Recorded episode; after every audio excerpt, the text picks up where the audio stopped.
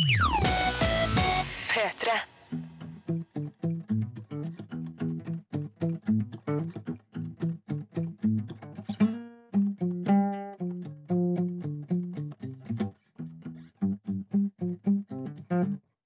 Velkommen til Petter Morgens podkast for Onsdag 24. august. 2016. Her er sendinga. Etterpå får du bonusspor. P3. Velkommen til radio. Takk. Takk for det. Du hører Silje, Markus og Ronny her. Dette er P3 Morgen onsdag 24. august 2016. Midt i veka, snart er det helg. Lett å si, men det er sant når du sier det. Tenker på det. Mm. Smaker godt. Smaker godt. Går det bra med dere? Ja, det går kjempe, kjempebra. Altså, du er så deilig livsnyter. Du, du får meg ofte til å slappe av, faktisk, eh, Ronny. Gjør det det? Eh, Ja, sånn er sånn, Herregud, trenger ikke å stresse. Jeg vil kose meg nå.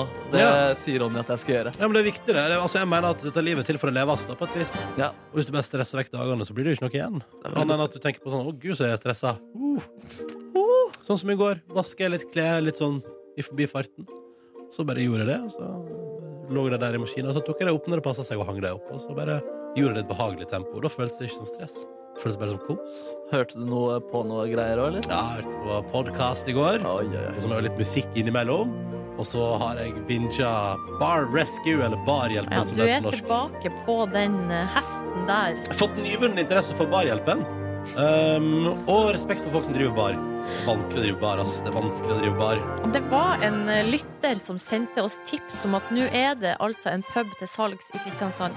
Ja, det så jeg. Hva tenkte du? Er du vi frista det? eh, jeg tror ikke jeg skal starte pub i Kristiansand akkurat nå. Kanskje en annen gang i livet, men akkurat nå så tror jeg jeg trives med å lage radio på morgenen. Og da blir det veldig vanskelig å kombinere det med en slags 24 timer i døgnet barjobb. Ja, skjønner. Det har jeg full forståelse for. Ja. Nei, Jeg har bare lyst til å liksom høre, lufte litt. Men tanken om å på et eller annet tidspunkt når jeg blir eldre, starte en hyggelig liten pub i kanskje hovedstaden da, eller hjemme i Førde, Ja. lev altså i beste velgående den tanken der. Det er vakkert, ass. Har du noe, tenkt på noe navn eller konsept eller noe sånt? Hva med Ronnys Good Times Bar? Ja, takk. Der kan du få øl på tapp. Kanskje ha et par drinks, hvem vet. Husets rød og hvit. Og rosé, kanskje, siden alle er glad i rosé. Ja, men det burde, være, altså, det burde være god vin Ja. som er husets. Hvis ikke så blir jeg, da blir jeg provosert. Og så en sånn fancy cider, som alle, for det liker folk å drikke for tida. Blir det noe sånn der radioaktig konsept? Nei. Altså, nei, ok. Nei, men det er mulig. Og så tenkte jeg kanskje at nei, men jeg skal ha hyggelig musikk. Og så at det er hyggelig å sitte der og preike med vennene sine. Og så skal jeg kanskje ha noe lett matservering. Ikke noe fancy. Ikke burgeren? I, kanskje en liten burger, men den skal være Den må Jeg føler at all den elsken jeg har lagt inn i burger, så kan ikke burgeren på Ronnys Goodtimes Bar være dårlig. Da, skjønner du Nei, hva jeg er mener? Da må jeg være sikker på at det er en decent burger.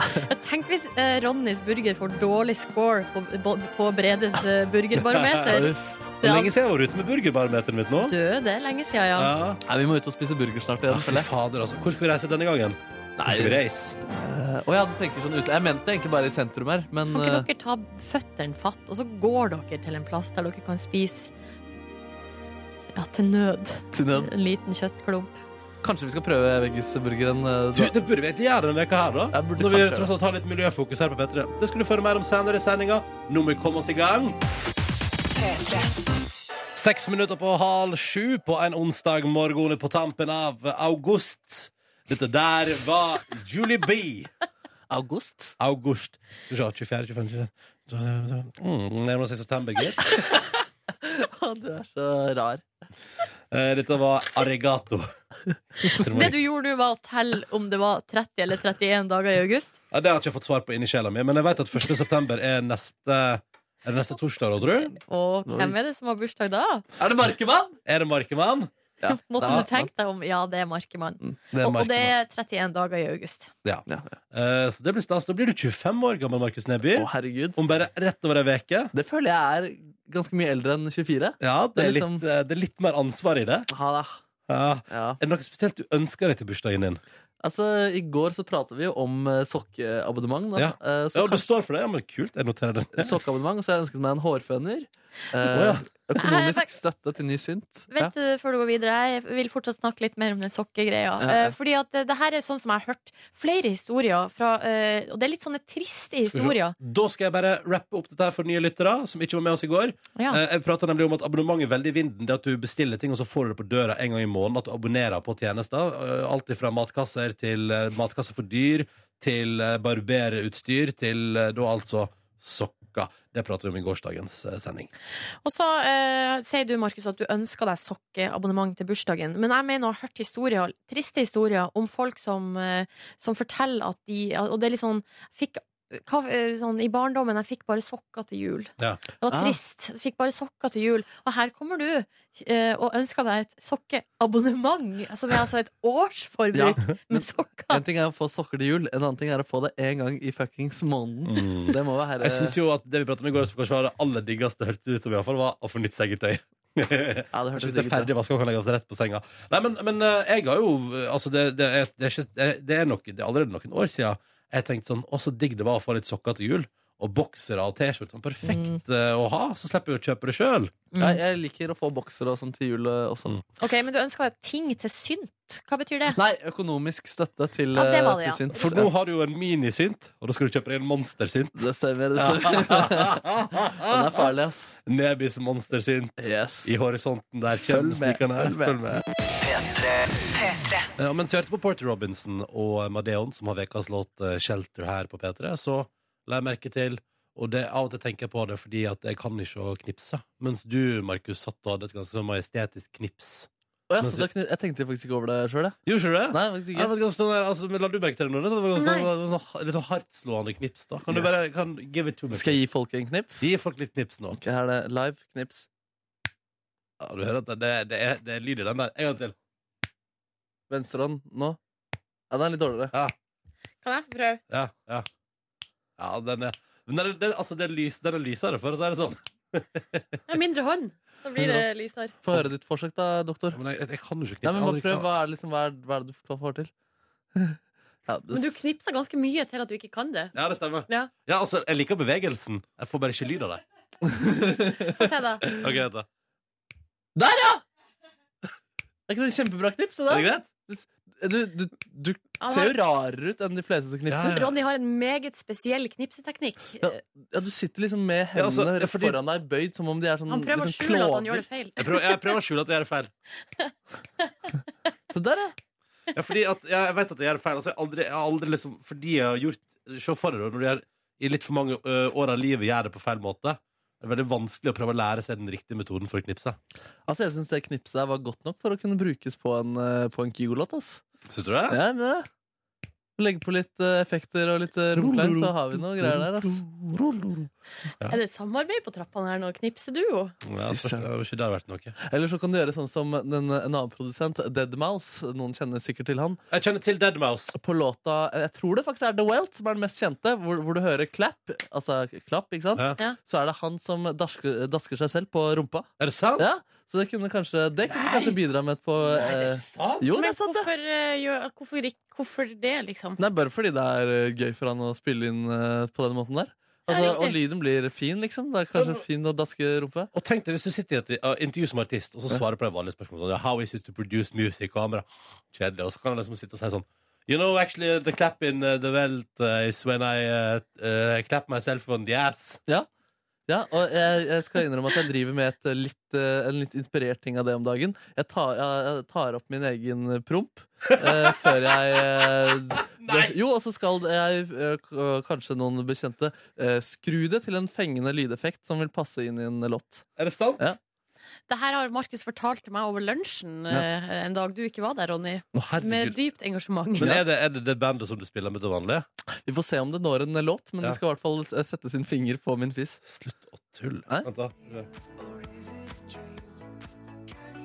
Og så er det det klappet. Ja, ja, ja.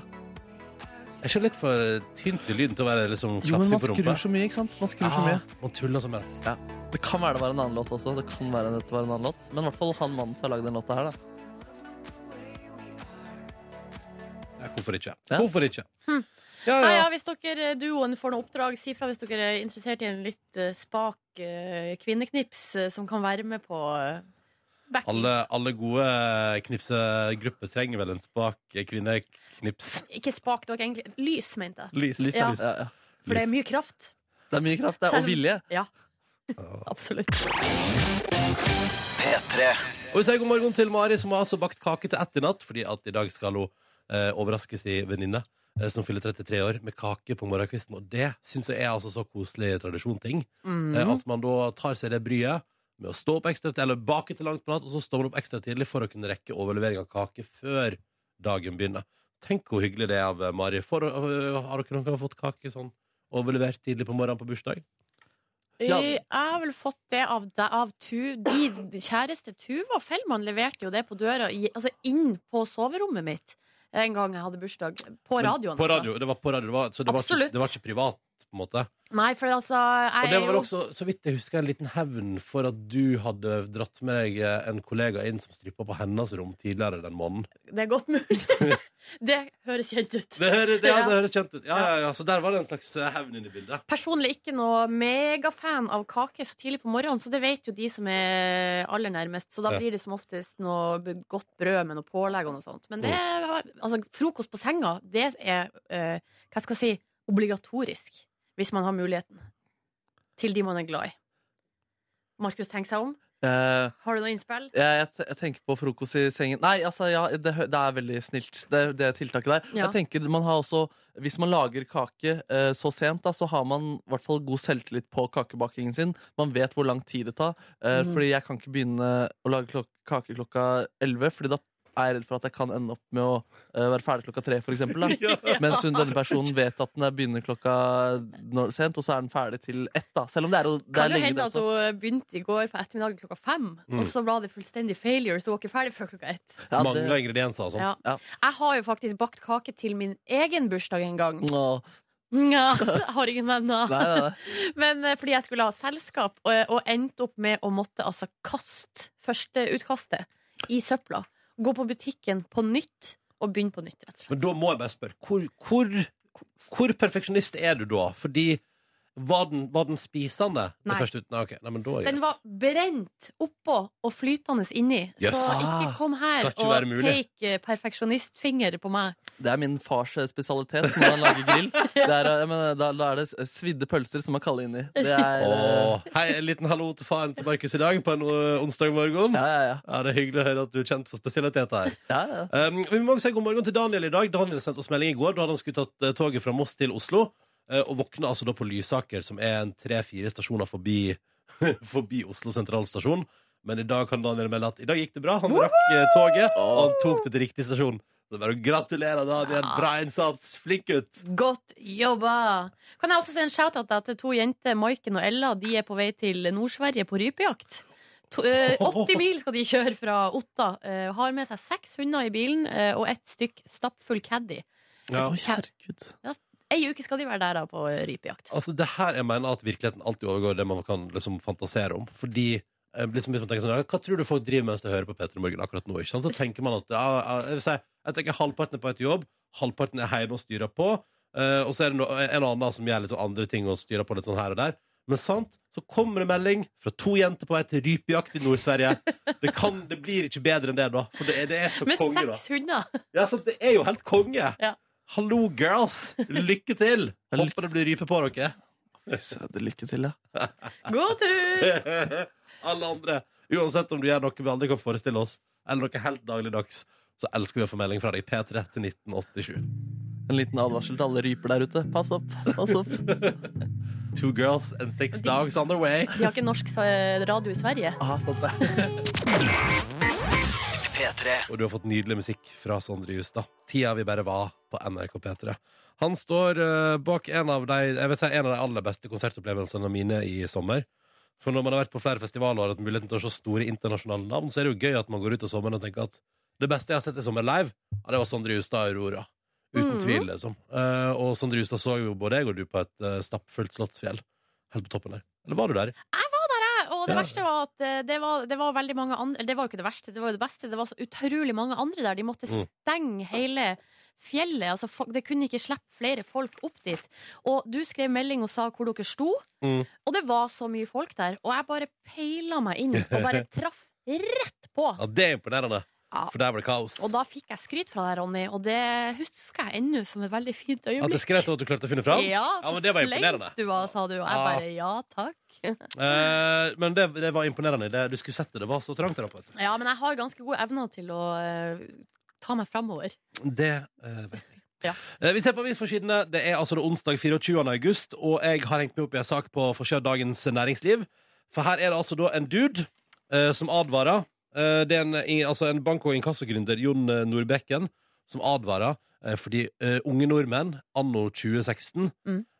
altså tar på seg så høy gjeld, bruker forbrukslån i massive mengder, og, og som han påpeker da at det ser ikke ut som folk liksom er klar over hvor stor økonomisk risiko man tar da, med å ta seg så masse. Altså at man bruker penger på forskudd. Man bruker penger man ikke har, Mm. uh, fordi man kan ta kreditt. Og jeg kjenner meg jo litt igjen. Altså, jeg er jo en eh, Altså, det er det knapt. Også, altså, jeg har et mastercard liggende, liksom, Ja. som kan få kjørt seg når det nærmer seg lønning, hvis det, hvis det må til. Eh, og, og så sier han Og det her syns jeg er gøy, da, fordi eh, man skulle jo tro at vi Altså, jeg skjønner ikke Han sier at det hadde jo vært på sin plass hvis vi i Norge hadde et, en plass der man samla all gjeldsinfo, sånn at ikke jeg og du, Silje, for eksempel kan pådra oss 100 000 gjeld i ett kredittkortselskap, Mm. og så kan vi bestille nytt kredittkort. Og ta 100 000 der. Altså, altså sier det er, på ti- er ikke det på tiden at Norge får seg et gjeldsregister? Og Jo, det, jeg har hørt noe om det der. Jeg trodde det var på vei. At det skulle komme. Fordi han at, eh, foreslår det iallfall i Dagens Næringsliv i dag, så da antar jeg at det kanskje ikke er så på vei. Og jeg synes det er rart at vi ikke har det, fordi ja, det, det vir- virker veldig logisk. det virker veldig logisk ja, at de private sel altså, Bankene de har vel en viss kontakt med hverandre, men at uh, de private selskapene også har det, da, for at, sånn at ikke uh, Ja, som du sier, man kan gå og så bare ta for at de, Hvis du ser på Luksusfellen, Ja. det er jo helt fascinerende. De har jo ja, 20 kredittkort, liksom. ja, forskjellige kort, og så er det sånn uh, noen tusen, 100 000 der, 40 000 der, Ja. 30 000 der. Slapp av, her er jeg bare 8000. 8000 er ganske masse penger, faktisk. Ja, det er jo det når du har de rentene som eh, Ja, det blir helt enorme summer når du skal betale tilbake. Oh yes. Nei, men så vær litt forsiktig, folkens. Hvordan står det til nå med kredittkortet ditt Nei, altså, jeg har, ferien? jeg, har det, jeg har det under full kontroll. Altså, det er brukt, men det går bra. Jeg har, liksom, jeg har kontroll på det. Jeg betaler tilbake Hvis jeg bruker det, så betaler jeg tilbake igjen i deg forlønning, sånn at jeg aldri liksom lar rentene gå og Ja. kose seg. Høres smart ut. høres smart ut Mm.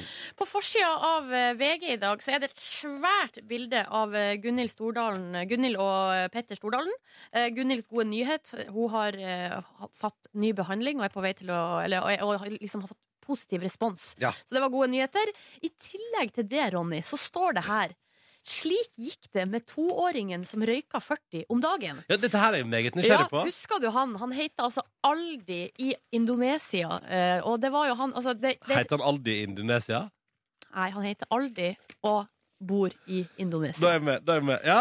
Uh, og eh, det er jo et ikonisk bilde det der når han sitter på en sånn liten rød uh, lekebil og bare røyker Altså, han bare Han nirøyka, ja, han. han elsker den røyken, liksom. Og, Ja, det ja, eh, og på de bildene, altså de bildene som ble spredd over hele verden, så var jo han bare to år. På det meste så røyka han altså fire pakker om dagen. Ja. Men etter at uh, han fikk seg altså så mye oppmerksomhet Jeg føler kanskje at også Visit Indonesia ikke syntes at det var så god reklame for landet ja. at uh, unger driver og røyker der. Så da uh, ble altså Aldi sendt på uh, ja, avrusning, kan man si. Nei, det heter jo ikke det. En toåring på avrusning, det er rått. Her sitter det masse sånne gamle folk, og så kommer inn en toåring og bare 'Hallo, jeg skal bare nett innom her og få stoppa røykinga mi'. Men heter det eh, Rehabiliteringssenter var det han Det var på. er det det heter, I vet du. Jakarta. Ja. Og det som er at det som skjedde da, da han, begynte, da han gradvis slutta å, um, å, å røyke, så ble han en storeter. Fordi at Å, oh, det- ja, ok, ja. Men nå er han blitt sju år har fått kontroll på både eh, Altså, fått kontroll, altså slutta å røyke, og også få kontroll på spisinga. Så her eh, Så han måtte på dobbel rehabilitering. da Først for røyking, og så for storspising. Ja, altså det, Saken er ikke så nøyaktig om akkurat den storspisinga, men det eh, vil jeg anta. Eh, Jeg vet ikke om han måtte på rehabilitering. Men det er litt koselig, for at her svarer han aldri blir intervjua, og da sier han at drømmen er å bli lege, sånn som doktoren som redda han. Altså fra røykeavhengigheten. Å, det er fint. Veldig koselig. Så sånn gikk det med Aldi.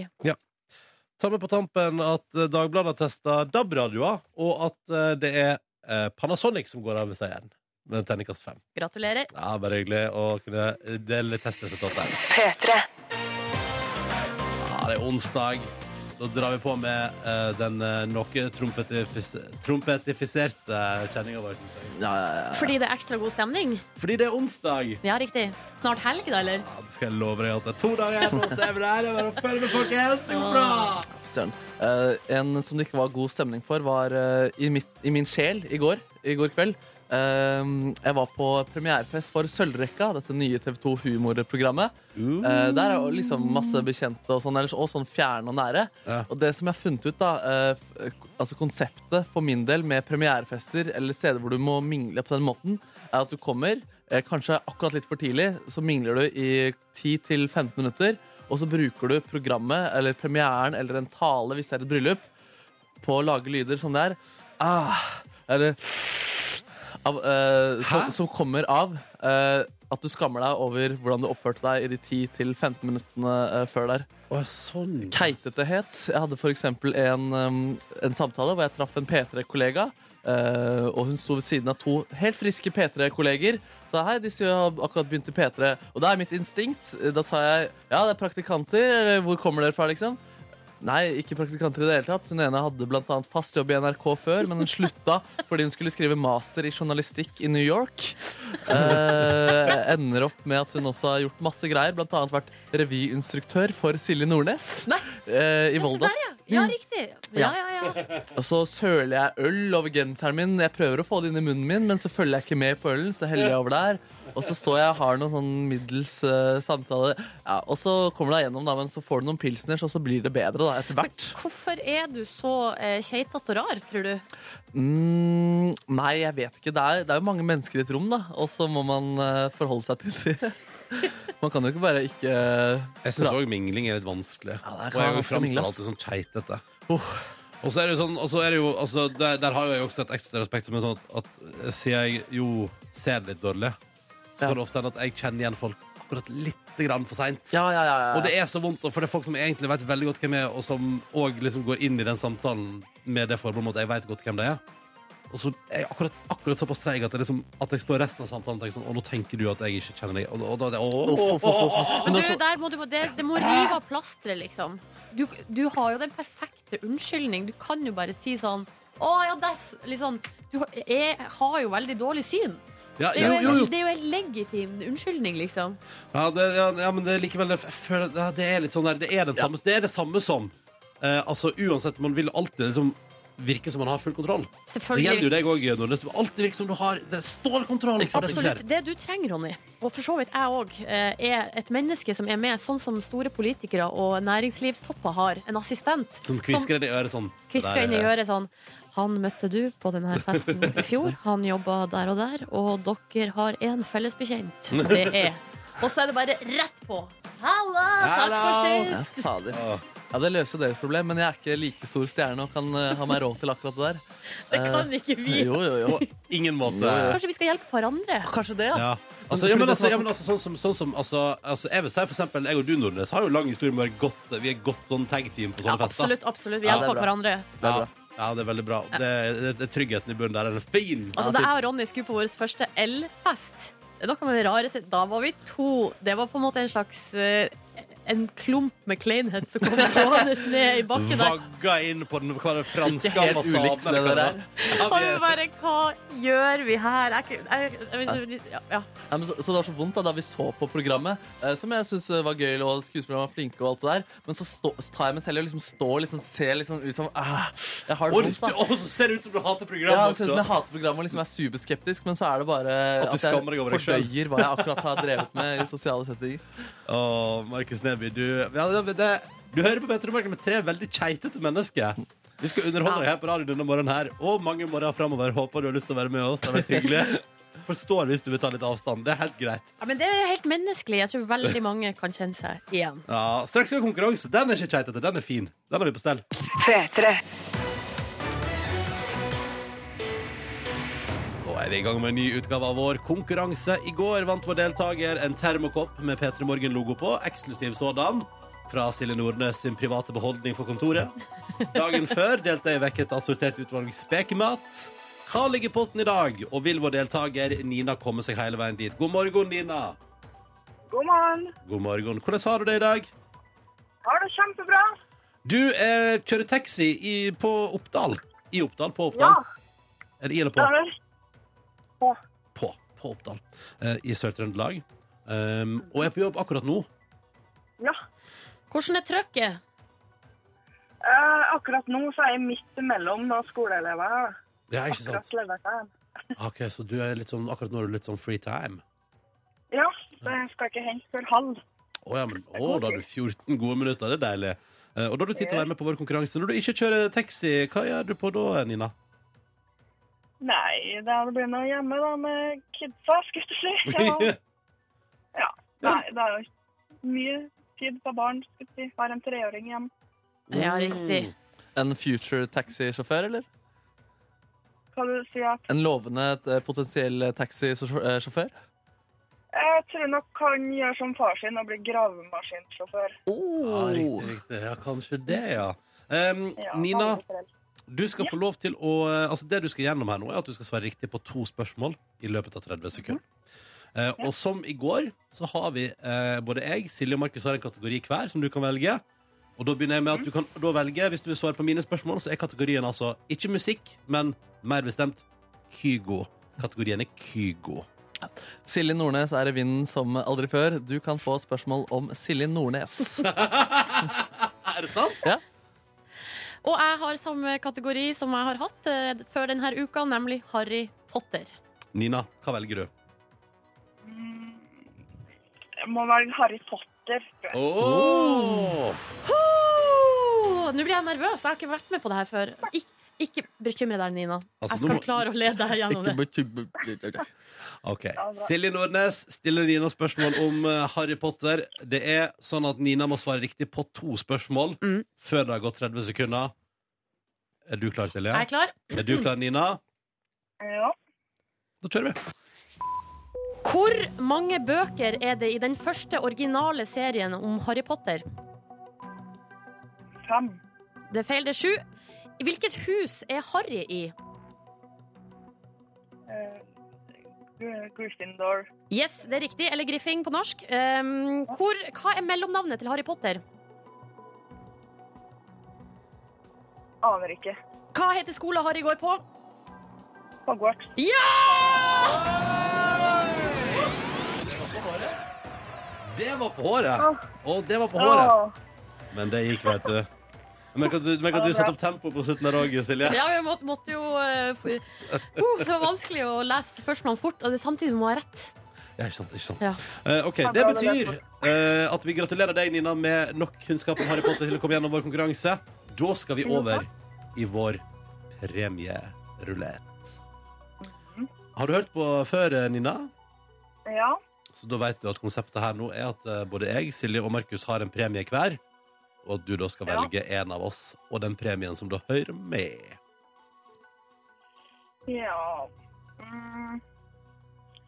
Vanskelig her, Jeg Tror jeg må være um, Markus. Oi, Oi! Markus Nebys første velging! Yes, yes. Ja, Da kan jeg gratulere med deg. Du har vunnet to medium hvite herre-T-skjorter til en verdi av 30 euro fra flyplassen på Amsterdam. Av et ganske pent merke. Av et ganske Trenger ikke å pent si det, hvilket Nei, merke Du det kan er. jo si hvilket merke det er. Det er Calvin Klein. To medium. Eh, Den ene er eh, brukt, eh, men den andre er ikke det. Eh, Den har fått en liten kaffeflekk på seg etter å ha vært i dette studioet. Ja, det er her jeg like som har søla. Ja, Beklager. Silje Nordnes. Bare. Men eh, fullt brukende og vil klare seg med en liten hvitvask. Er det lov å spørre hvorfor du deler ut akkurat to medium eh, hvite Calvin Klein-T-skjorter kjøpt på en flyplass i Amsterdam for 30 euro, Markus Neby? Medium skulle eh, gjerne vært min størrelse, men jeg har spist for mye gyros og mytos denne sommeren. Så da jeg tok på meg den, så kjente jeg at disse passer ikke for meg, og jeg har ikke tid til å slanke meg før jeg kan bruke det. Så da sier vi gratulerer til Nina. Du har altså vunnet to hvite T-shirts. Tusen takk for at du var med i konkurransen, og nyt T-skjortene. Jo, takk. Ha det Ha det! Bra Ha innsats! det. Ah, nydelig. Denne veka har vi altså delt ut et assortert utvalg spekemat, en Petter Mange termokopp, og i dag altså Markus Nebys to hvite medium Calvin Klein-T-skjorter kjøpt på Amsterdam Schiphol flyplass for 30 euro. Det var deilig å gi. Litt rart. for Det, var det to DAB-radio forrige uke? Ja. Her kan alt skje. Her kan, kan alt alt skje. Og i morgen skjer det igjen. Vil du være med, kjære lytter, må du ringe inn og melde deg på. Og Silje Nordnes har oppskrifta her. Nummeret du ringer inn for å melde deg på, er 03512. 03512, altså. Og linja, den er allerede åpen. Kakk motherfucker og Young You på NRK P3. jeg skjønner ikke hvorfor jeg akkurat i dag syns det var gøy å si bandnavnet Kakk motherfucker. Jeg Man må ikke glemme at det er litt uh, artig uh, bandnavn. Det er et litt artig bandnavn. Og du fikk låta deres her på NRK P3. God onsdag. Men jeg så på Spotify nå at nå heter de KMF eh, ja, som artist. Og det har bytta Ja, navn. kanskje kamuflerte litt grann, eh, der, Ja. jeg vet ikke. Ja, for internasjonal eh, karriere. Kan Ja. det være det? Altså, eh, Slutface har jo òg bytta navn. Eller det vil si, altså, de, de ble sensurert på Facebook og sånn, så da la deg inn en Ø istedenfor en U i Slutface, og vips, så var alt greit. Alt er OK. Jeg må også rette opp i noe eller, eh, for at alt skal bli OK. I konkurransen i stad hørte vi Nina eh, gå all the way. Hun klarte å svare uh, riktig på to spørsmål om Harry Potter. Det hun ikke klarte å svare på, var hva er mellomnavnet til Harry Potter. Og det uh, ga ikke jeg noe fasit på. Riktig svar jeg er jeg Ja, Ronny. Ja, jeg har aldri lest Harry Potter, aldri sett film. Frank. Frank. Harry, Harry, Harry Frank sånn- Potter. Er det noen sånn aksent over A-en eller noe sånt? Ja, Frank. Eh, nei, dessverre, det er feil. Riktig svar er altså da James eh, på engelsk, eller Jacob eh, på norsk, oppkalt etter sin far. Harry James Potter. Jøss. Så da eh, lærte dere det. ja. Ja, Og nå er alt OK, eller? Nå, nå er alt OK. Bra. OK. I hvert fall her, da. Eh, I løpet av neste halvtime av P3 Morgen skal det handle om miljø. I går ga Silje meg og Markus ei redesign, sy om-oppgave her i programmet. Eh, Silje Nordnes, du ba oss lage en ny partytopp til deg ut av to plagg. Ja. To brukt plagg. Ja. Uh, og vi har laga partytopper. Og det skal du få se hvordan det blir, og du skal kåre en vinner i løpet av neste halvtime. Det er bare å følge med her i P3 Morgen. Og vi er jo midt inne i ei uke her på NRK P3 der vi har litt fokus på miljø. Av den grunn at blant annet at Liven Elvik sitt program Livet redder verden litt har premiere på NRK1 på torsdag, altså i morgen kveld. Mm -hmm. uh, og hun kommer til oss i morgen også som gjest. Stemmer det? Mm -hmm. uh, og da har vi kalt det P3 redder verden litt, og prata litt om miljøet. Det er, jo bare, det er jo ganske små ting som skal til for å endre sitt uh, fotavtrykk da, i forurensningens navn. Mhm. Eh, og du, Nordnes, kom jo da ut her på mandag. Vi tok klimatesten som du finner på p3.no hvis du vil teste deg sjøl, kjære lytter. Og eh, vi fant ut at du var den minst miljøsvinet av oss tre. Det stemmer det. Eh, Og derfor så har, tok jeg liksom Jeg bare tok den, jeg. eh, Og kjø- satte i gang en liten utfordrings... En challenge til dere to. La oss kalle det en liten konkurranse. Eh, I første runde var det altså da vegetarmatlaging. Der gikk du, Markus, av med seieren. Så fikk dere i går ei utfordring av meg som handla om ri- redesign. Eh, altså det å få gamle klær til å leve lenger, sånn at man ikke bare skal bruke og kaste. Mm. Dere fikk altså da en, eh, en gammel skjorte hver. Eh, Dere fikk også en litt sånn ekstra tøystykke, eh, og pluss litt sånn stæsj som dere da kunne bruke i denne prosessen. Mhm. Og så var oppgaven lag en partytopp til meg. Eh, Jeg hadde følgende kriterier, altså kreativitet, håndverk, fingerferdigheter, ta pulsen på trendene, og så skulle det da helst passe til meg, altså dommeren i konkurransen. Mm. Hvordan Jeg så dere på vei ut fra det her kunst- og håndverk-session, og da var dere fulle av glitter, i hvert fall du, Ronny. Ja. ja, gikk litt bananas med glitteret der. Eh, men det er, jo litt, er ikke det litt deg, da? Ja, Ja. jo, kanskje. Vil du se plagget jeg har redesigna? Ja, Jeg las på min mote i går at uh, trender for 2016 er blant annet Jeg hang meg opp i to ting. eh, At stripe er veldig inn, eh, og at, eh, sov, altså at det er veldig mye inspirasjon i soverommet. Altså at man har soveromsplagg, eh, ting som liksom ser ut som det skulle vært på soverommet. Altså uh, pysjamasstil, pyjamasstil, liksom. Ikke sant? Og da tenkte jeg at jeg tok det et steg uh, videre. Så da kan uh, produsent eh, Sigrid komme inn her som en slags catwalk med klesplagget jeg hadde redesigna. Med, som du ser, to striper eh, som går ut fra skuldrene. Og så hvis eh, Sigrid snur seg så ser du at på baksida har du puteinnhold. Innhold fra pute som er litt sånn dandert, så det nesten ser ut som du har skyer på ryggen. Eh, Soveromsinspirert. Ja. Men uh, det du kaller for stripe, det er vel mer remse av tøy Ja. som du har sydd på? ja, men det, det er altså Intensjonen er stripe. intensjonen er stripe. Prøv den på, eh, Silje Nordnes. Altså, ikke verst. Ja, hva syns du? Og det er litt glitter på ryggen òg, i litt stilig mønster. Jeg må innrømme at du er veldig kul nå. Ja, altså det, det som er, Ronny, er at eh, du sier jo at, det, at det her, de her remsene er striper, men det kan jo også være et slags innslag av uh, den bohemske stilen, som også har vært ganske inn vært- i år. Sier du at jeg har vært smartere enn jeg tror? Ja, og, og glitteret, altså metallisk også. Bohemsk og metallisk har Ja. jo vært i vinden 2016. Men hva syns du om at jeg har tatt Altså, jeg fikk, jeg fikk jo lov eh, av um, en redaksjon her i P3 å låne en veldig gammel pute. Den er da altså da redesigna til å ta ut innmaten og klistre den på. Så den får en slags pute Altså Det er jo nesten så du går med pute på ryggen, skråstrek at du da har skyer som henger ut. Ja. Og jeg fikk faktisk kompliment fra en uavhengig tredjepart her i går, som sa at her- det der er nesten mulig å gå med. altså Jeg liker det at man også kan ta Det er jo to remser som henger ned eh, på sni, altså nederst på Mm. skjorta. Da kan man bruke de til å knyte, Ja, få en liten magetopp. Oi, oi, oi. ja vet du, altså, Jeg syns jeg har gjort en god innsats. Jeg, altså. Jeg blir litt imponert, jeg. Hva syns du? Du har, i hvert fall- du har tenkt mye, det liker jeg. Så og du har vært innovativ. Du har tatt altså, soverommet ett skritt videre. Mm. Liker det. Bare kjapt spørsmål her. Du, til å, du går med vinneren på et tidspunkt, ikke sant? Ja, altså kan i hvert fall bruke den ut dagen. Ja, det er bra. Ja. Det er veldig bra. Ja. OK, Markus eh, Markemann. Nei, Jeg har også tatt tak i en eh, trend. Jeg har sydd på litt lange eh, ermer på denne T-skjorten. Det er en trend som ble vist av blant annet Mark Jacobs nylig. Eh, og så har jeg da klippet ut han VG-reporteren som var på forsiden av avisen i går. Han gikk ned altså 30 kilo kun ved å spasere! Eh, så han har da fått sin plass både foran, eh, også på disse eh, ermene, da. Ja. På ryggen står det også 'gikk og gikk og gikk ned 30 kilo', eh, med glitter rundt, da. Og i det ligger det også et budskap. Jeg har også gjenbrukt avisen, og det er også et budskap om å spasere, for det kan jo være bedre enn å kjøre bil. Ja. Så da på høyresiden av skjorten så ser man førbildene av VG-reporteren, og på andre side så ser man etterbildet av eh, VG-reporteren, hvor han er både blidere og tynnere. Men jeg lurer på akkurat det med å ha med sånn budskap og bilder og sånn. eh, det, har du henta inspirasjon til det fra noe sted? Det er ikke en, eh, det er ikke en trend, men det er miljøvennlig. Riktig. Ja. Jeg tror at det kommer til å bli en trend nå etter at du har introdusert det, Markus Neby. Ja, jeg synes det funker veldig bra. Hvilket håndverk er det du har brukt her? Eller altså, hvilke teknikker er det du har brukt? Jeg har brukt uh, spikerpistol Spikerpistol? Lim, limpistol. Ja. Limpistol har jeg brukt. Uh, brant uh, min finger fordi det limet var varmt, viste det seg. Men når resultatet blir så bra, og de lange ermene er utafor armene der, ja, da er jeg fornøyd. Da er du fornøyd. OK, vet- ok, jeg tror jeg må ha litt tid å tenke meg om. ass. Ja, men da skal du få lov til å tenke deg om. Kan også si at I løpet av dagen kommer det en stilig behind the scenes-video på eh, Facebook, der vi viser vår prosess eh, in the making fra vårt kunst- og håndverksverksted.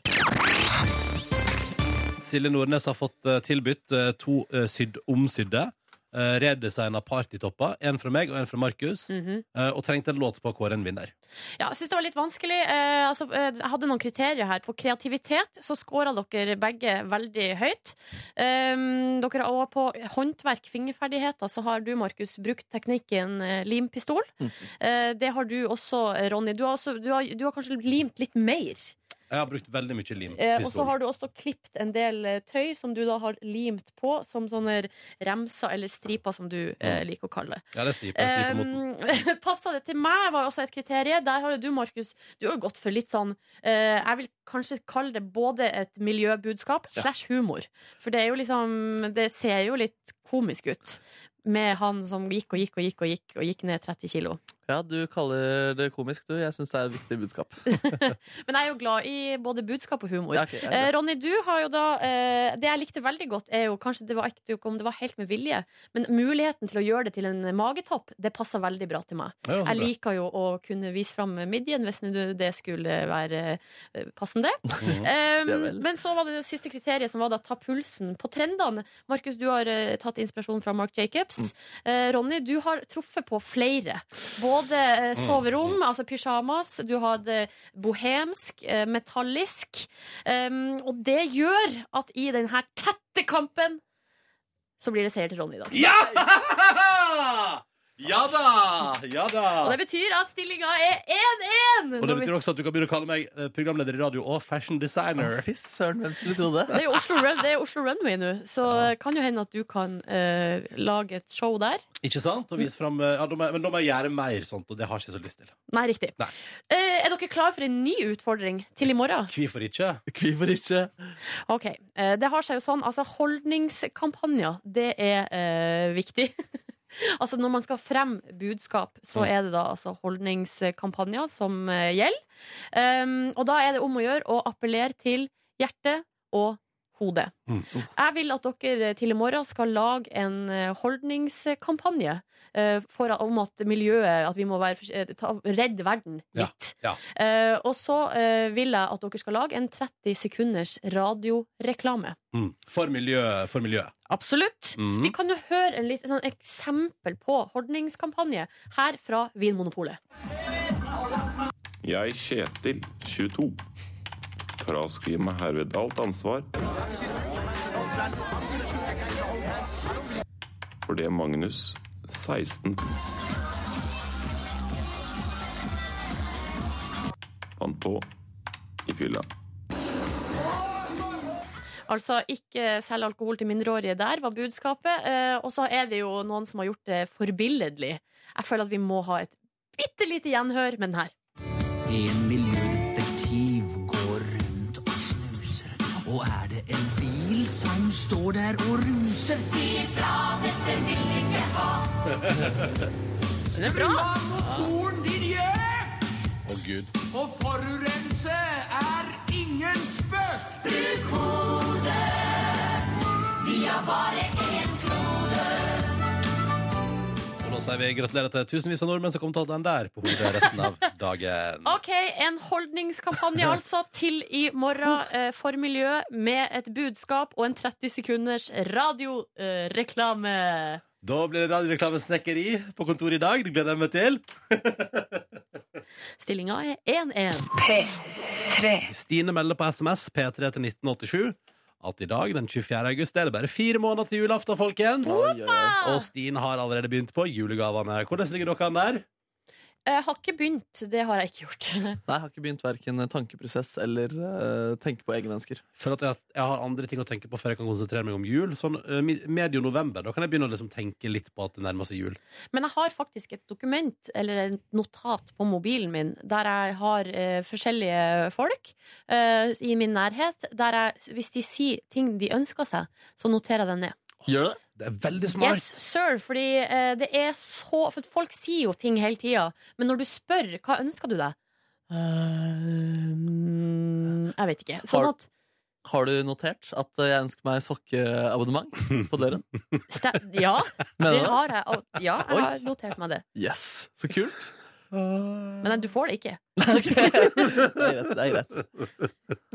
Ja, ja, ja, ja, ja, ja, ja, ja. Er det noe mer i innboksen der?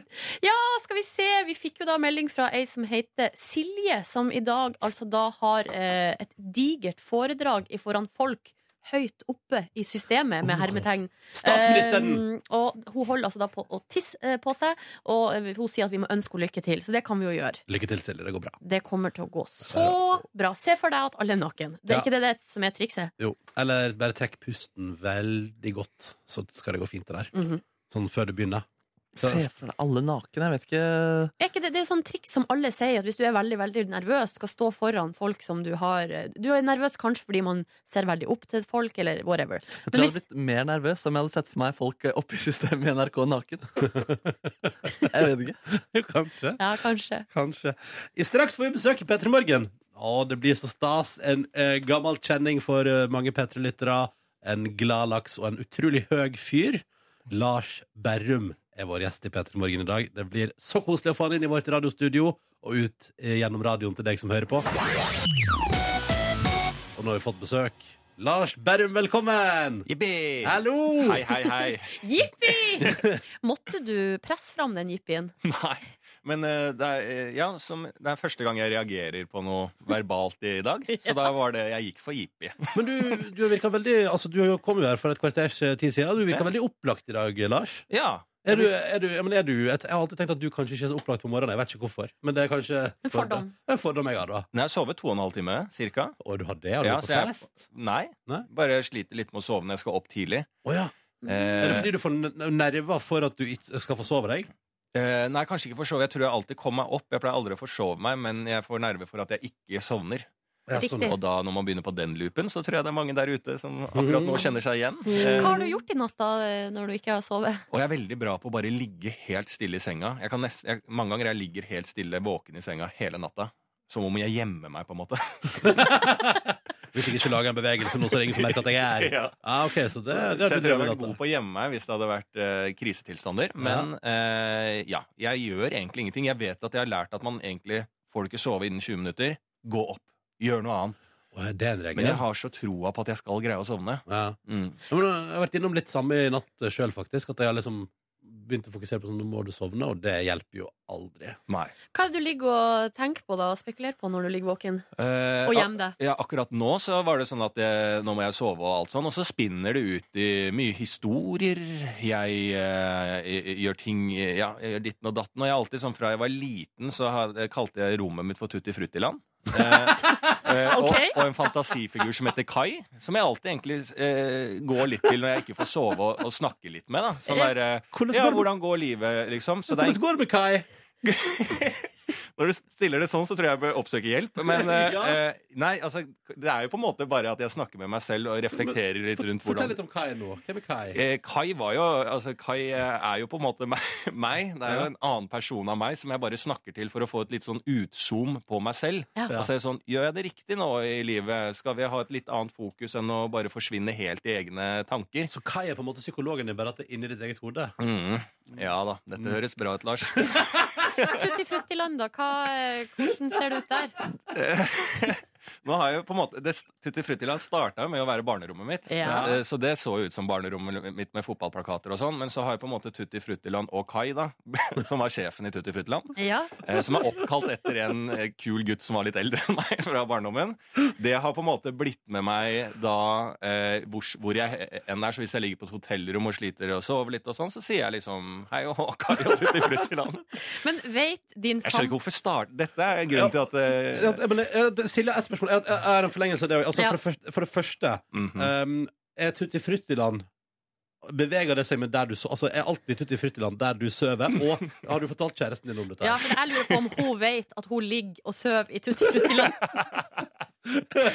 ja.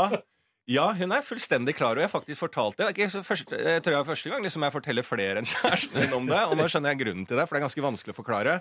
Men oppi hodet mitt så er det ganske enkelt, for jeg er jo enebarn. Mm. Så jeg tror det er mange enebarn nå prøver jeg å dra inn flere i dette greiene her, men som har At man finner andre på en måte eh, folk å snakke med fra barndommen. Så har jeg bare tatt med det videre i livet. da. Mm. Eh, Så den er alltid med meg uansett hvor jeg eh, går. Så bra! Vi har besøk av Lars Berrum, som nettopp har pratet om at uh, soverommet hans eh, kalles for Tutti Fruttiland. Og det synes jeg er så utrolig søtt. Uh, nå skal vi prate om uh, det nye TV-programmet ditt, Lars, som har premiere i kveld, er det vel? På TV2 Humor. I morgen. Er det i morgen? Morgen kveld, ja. Hva er det som er, hva er, hva er det som er i dag, da? I dag tror jeg det er krisemøte med Kristoffer Schou og Kyrre. Ja, men Det er ikke noe, det er ikke noe premiere. Det har holdt på lenge, de. Ja, ja. Uh, men du har- Da har du premiere i morgen på Aktiv på dagtid, Ja. Lars Berrum. Torsdag 22.30 på TV2. Hva er Aktiv på dagtid for noe? Aktiv på dagtid er et eh, program der jeg eh, på en måte er litt eh, jeg, jeg, ja, For å si det sånn, at i alle jobber jeg har hatt, som sykepleier, så jobba jeg kun kveldsvakter. Mm. Som gjøgler, altså komiker, Komiker. så jobber jeg bare kveld. Så jeg har gått mye på å ha fri på dagtid. Ja. Og så har jeg liksom tenkt på hvem er alle disse andre folka som har fri på dagtid. Er man aleine? Eh, så hadde jeg lyst til å lage dagtid-TV. Nå skal dette her bli sendt på kvelden, da.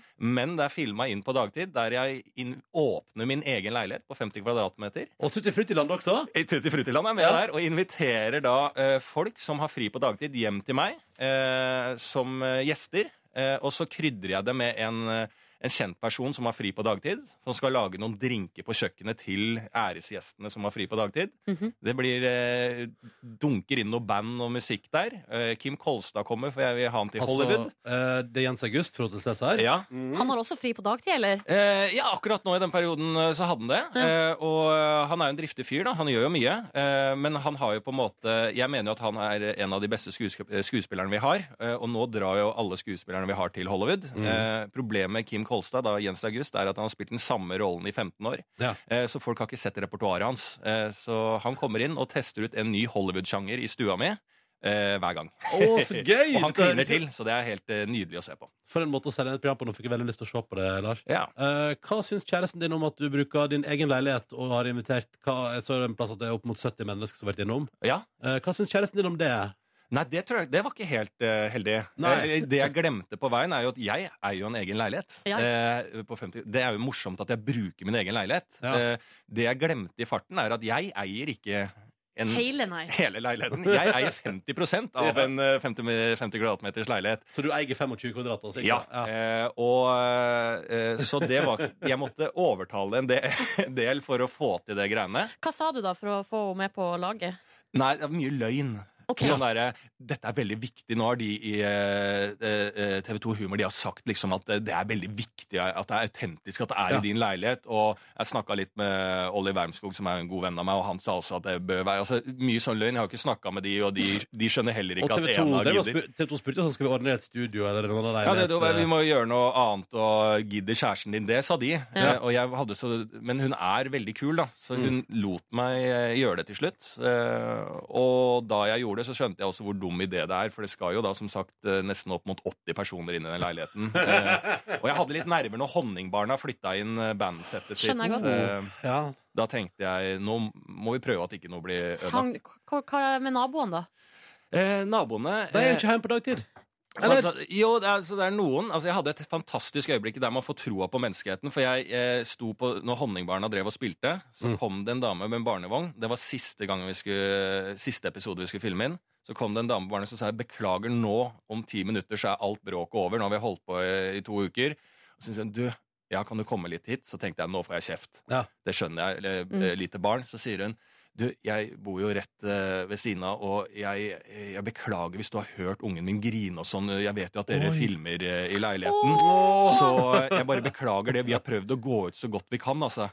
Det, altså Er det mulig Åh, det å er få koselig. troa på eh, folk med barnevogn og barn?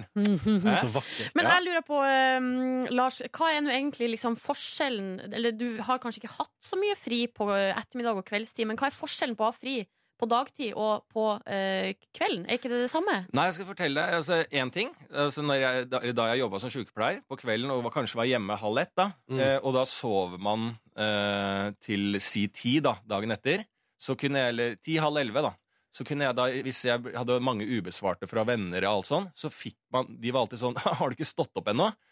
Selv om man egentlig har gjort en kjempebra jobb. Ja. For det er, det er normen er å stå opp og være i gang tidlig. Mm. Eh, så det er veldig unormalt å ikke være det. Eh, og det er ikke lov å bråke på kvelden. Eh, så kan du liksom sånn eh, Så er det jo eh, På kvelden så bråker man ikke etter eh, elleve. ikke sant? Det borettslag. Der er det regler. Mm. Morgenen Ingen regler. ingen regler. Da kan du starte klokka seks. Hvorfor er det ikke 11.11 i begge sider? Ja, det lurer jeg på. Det burde vært. Det burde vært det. Ja, det burde vært det. det, burde vært Ja. Og så er det mye mer folk, og det er mye mer eh, mulig å treffe venner når du har fri på kvelden, Ja. eh, kontra dagtid. Men for, eh, fordelen med dagtid er at offentlige kontor er åpen. Ja. Det er sant. Det er veldig fordel. Ja. Men hvor kult er det i lengda? Da går jeg på Nav, Ja, altså, altså, tur i banken. Ja, men det er, det er kult å kunne gå til lege klokka elleve, liksom. Men, men Men det får du alltid fri til ellers uansett. Ja, det går alltid greit. Og det er liksom det er grenser hvor mange ganger du kan gå på postkontoret liksom uten brev. I dag har jeg ikke noe å poste, men det er ålreit å være her, liksom. Ja, ja, det er hyggelig. Ja, Der er du på jobb i dag også. Eh, Lars, vi skal prate mer med deg i P3 Morgen. Heng på. Veldig hyggelig å være her. Det, vet du, det syns vi òg at det er veldig hyggelig at du er. P3. Vi i P3 Morgen har besøk av Lars Berrum. Hallo. Hei. I morgen kveld så er det premiere på ditt program Aktiv på dagtid, der du møter folk som altså, har fri på dagtid, Mm. eh, på TV2 Humor. Ja. Eh, nå eh, skal vi, i forbindelse med at eh, ja, det er skolestart denne veka her, og du er jo en interessant dude, jeg tenkte vi skal bli litt bedre kjent med deg, og derfor har Silje Nordnes vatta opp en fast post i programmet som vi liker godt å ta i bruk. Yes, det er altså skoledagboka som du skal få lov til å fylle ut. Let's go! Muntlig her i P3 Morgen. Eh, det er jo de Digg å van- slippe å skrive. ja, Ja. vi vet, Navnet ditt er jo Lars Bærum. Hvor gammel har du blitt? Eh, Lars Femanger Bærum. Riktig. 30 år har du blitt. Ja. Hvordan eh, har det vært å eh, runde i the big 3-0? Ja, det har vært helt fint, det. Ikke noe stress? Nei. Jeg vil ikke si det, altså. Ronny er veldig nervøs, nemlig. Å, er du? Nærme, nærme meg. Ja. Men jeg har alltid, vært, så- jeg har alltid hengt sammen med eldre folk. Ja, å, ja. Så det er alltid den malen. Jeg tror det er litt eh, grunnen til at ikke det er så pes for meg å bli 30. For alle, jeg har vært gjennom så mange av mine nærmeste venner som har blitt både 30 og 35 og alt det greiene der. Shit, så gamle venner du har. Ja, ja jeg, liker, jeg har alltid likt modenhet. Både i vennskap og Ok. Eh. Eh, Favorittmat? Favorittmat spagetti. Riktig. Men Hvilken type spagetti? Eh, det beste jeg kan få, er eh, spagetti carbonara. Åh. Eh, og det eh, Jeg har reist en del eh, rundt i eh, verden, for å si det sånn. Eh, og da eh, er det greit å alltid gå til en spagetti carbonara, for den er alltid lik uansett hvor faen du er. Så jeg følte at det har funnet en safe måltidet. Eh, som du bare sånn Åh, hva skal jeg ha den alltid inne om du er i Tyrkia eller eh, ja, et annet land. Nå kommer ikke jeg på noe andre land i verden enn Tyrkia, eh, men det er kanskje bare meg. Men når du er i Tyrkia, da, så får du deilig pasta carbonara. Kanskje ikke Tyrkia, når jeg tenker meg om. Jeg vet ikke. apropos reising, eh, litt dumt at du ikke kommer på noen andre land, men hit vil jeg reise på ferie. Eh, Brasil. Og der kan du på et annet land. Ja, og Argentina. Oh. Brasil og Argentina har alltid vært en sånn derre Der der tror jeg jeg kan levere bra. Men hvorfor har du Levere bra, ikke men vent, levere bra på hva? Nei, levere bra sosialt eh, le, Altså levere Jeg tror jeg passer litt sånn inn i eh, Eh, og jeg liker, jeg liker det der, og jeg er glad i varme. Jeg kan gå i Havanas Ja! og tusle rundt. Og være litt sånn laidback eh, med lokalbefolkningen. Jeg tror Ja. jeg hadde glidd ganske greit inn. ja kult, kult. Ja. kult. Du, Lars, hva var ditt favorittfag på skolen? Eh, det var nok eh, norsk, faktisk. Tro det eller ei. Jeg har ikke blitt den eh, beste eh, til å artikulere og, og eh, Kanskje artikulere, men artikulere mye feil ord. Jeg har ikke det beste språket, men norsk var liksom yndlingsfaget mitt. Riktig. Mm. Eh, hvilken musikk liker du? Jeg liker alt Jeg er altoppslukende på Nå greide jeg å si feil, feil ord i, norsk eh, akkurat nå. Men eh, jeg liker egentlig all musikk, det som fenger meg. Men jeg er nok eh, en veldig Jeg har en del kunnskap på rap. Riktig. Eh, Favorittartisten, da? Eh, favorittartisten, eh, det er Pusha T. Riktig. Pusha T, ja. Mm. Mm. Hva er det sprøeste du har opplevd? Det sprøeste jeg har opplevd, er vel eh, Da skal vi til eh, Marrakech, eller Mar Marokko, der jeg har Dette her blir jo en eh, kort, liten teaser på en historie man kanskje aldri får høre, men da jeg ble kidnappa i Marokko. Ja, den, den, Vi må eh, bare stoppe der. Vi må videre i denne greiene. Eh, når var det, eh, hvem var ditt første kyss? Eh, mitt første kyss var nok Jeg er usikker på om det var en god klem eller et kyss, men det var nok Line. Line. Ja, Hvor Hvem var gammel? Line, da? Line Skal jeg si etternavn? Nei, nei, men hvem, var, hvem var hun, liksom? Nei, hun var jo en som gikk i klassen min. Ja. Eh, Vi fire gutter i klassen ble sammen med fire jenter i klassen. Eh, De slo opp likt med oss. Er det Eh, ikke typisk? Det er litt typisk. Mm. Men da kunne jeg faktisk velge på den tida mellom Karoline og Line, og da valgte jeg Line. Ja. Men eh, jeg husker ikke om jeg bare fikk en klem. Jeg tror det var, var første leiing, første rolig dans til Tony Braxton på eh, etter skoletidklubben. Ja, Åh, tider. ja. Lars, vi må avslutte det aller siste spørsmål. Denne kjendisen vil jeg helst eh, ligge med. Det blir ja, liksom norske eller utenlandske? Hvor du vil. Ja, hvor jeg vil. Eh, da ville jeg kanskje hun derre klarsynte. Lisa Williams. Lisa Williams. Eller tenkte du på hun eh, Hva heter hun norske? Ja. Hva heter hun Lin, norske? li, Bendriss? Bendriss. Ja. Lille Bendriss. Fordi at jeg alltid har tenkt på at det må være gøy å ligge med en klarsyn, for da veit man liksom hvor dette går. Altså, eh, eh, altså at hun snakker hele tida. Nå kommer du om eh, nøyaktig tre og et halvt minutt, eh, og det er i den stillingen, og så ligger vi misjonær, så tenker jeg oi, hvordan kommer vi oss dit? Eh, Det men var et Lille Bendriss. ja, Jeg vet ikke om det er helt sånn klarsynthet fungerer. Men OK! OK. det er tidlig på morgenen. Men seriøst, hva skjedde med den kidnappinga i Marokko? Bare, altså, bare helt seriøst. Bare, Og jeg hadde meldt meg på en sånn tur på nachspiel eh, sammen med fremmede folk, og så trodde ikke de jeg skulle stille opp, så stilte jeg opp, og så fant jeg tonen med en fyr.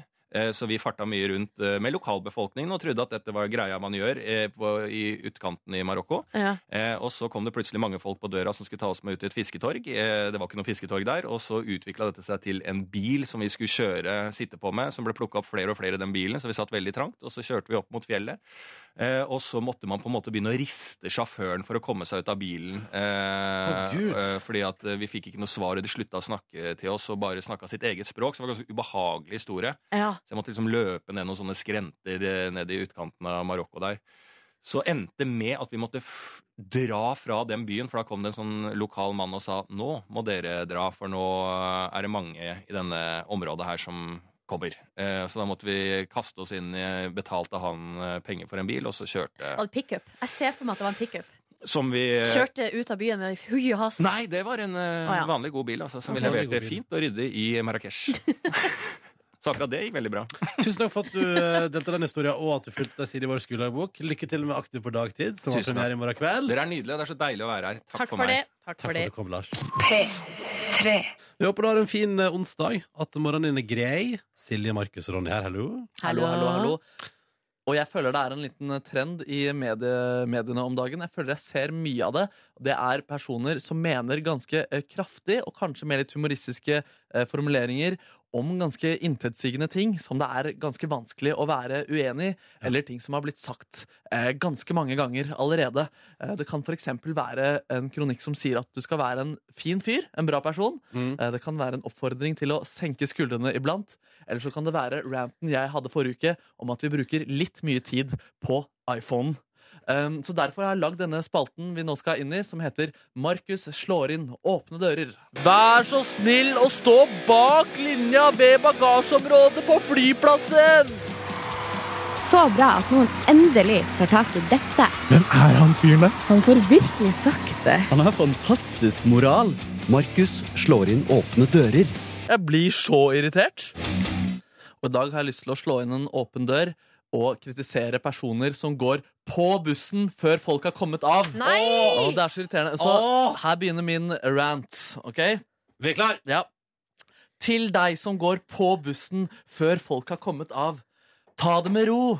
Bussen kjører ikke fra deg. Døren lukkes ikke før du er om bord. Den eneste døren som faktisk lukkes, er døra inn til min aksept for deg.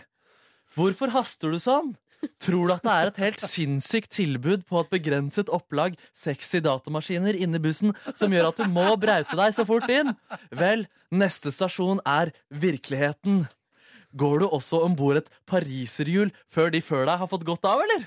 Hei, ja, det blir kanskje litt eh, trangt her, men jeg var litt redd for å ikke rekke den.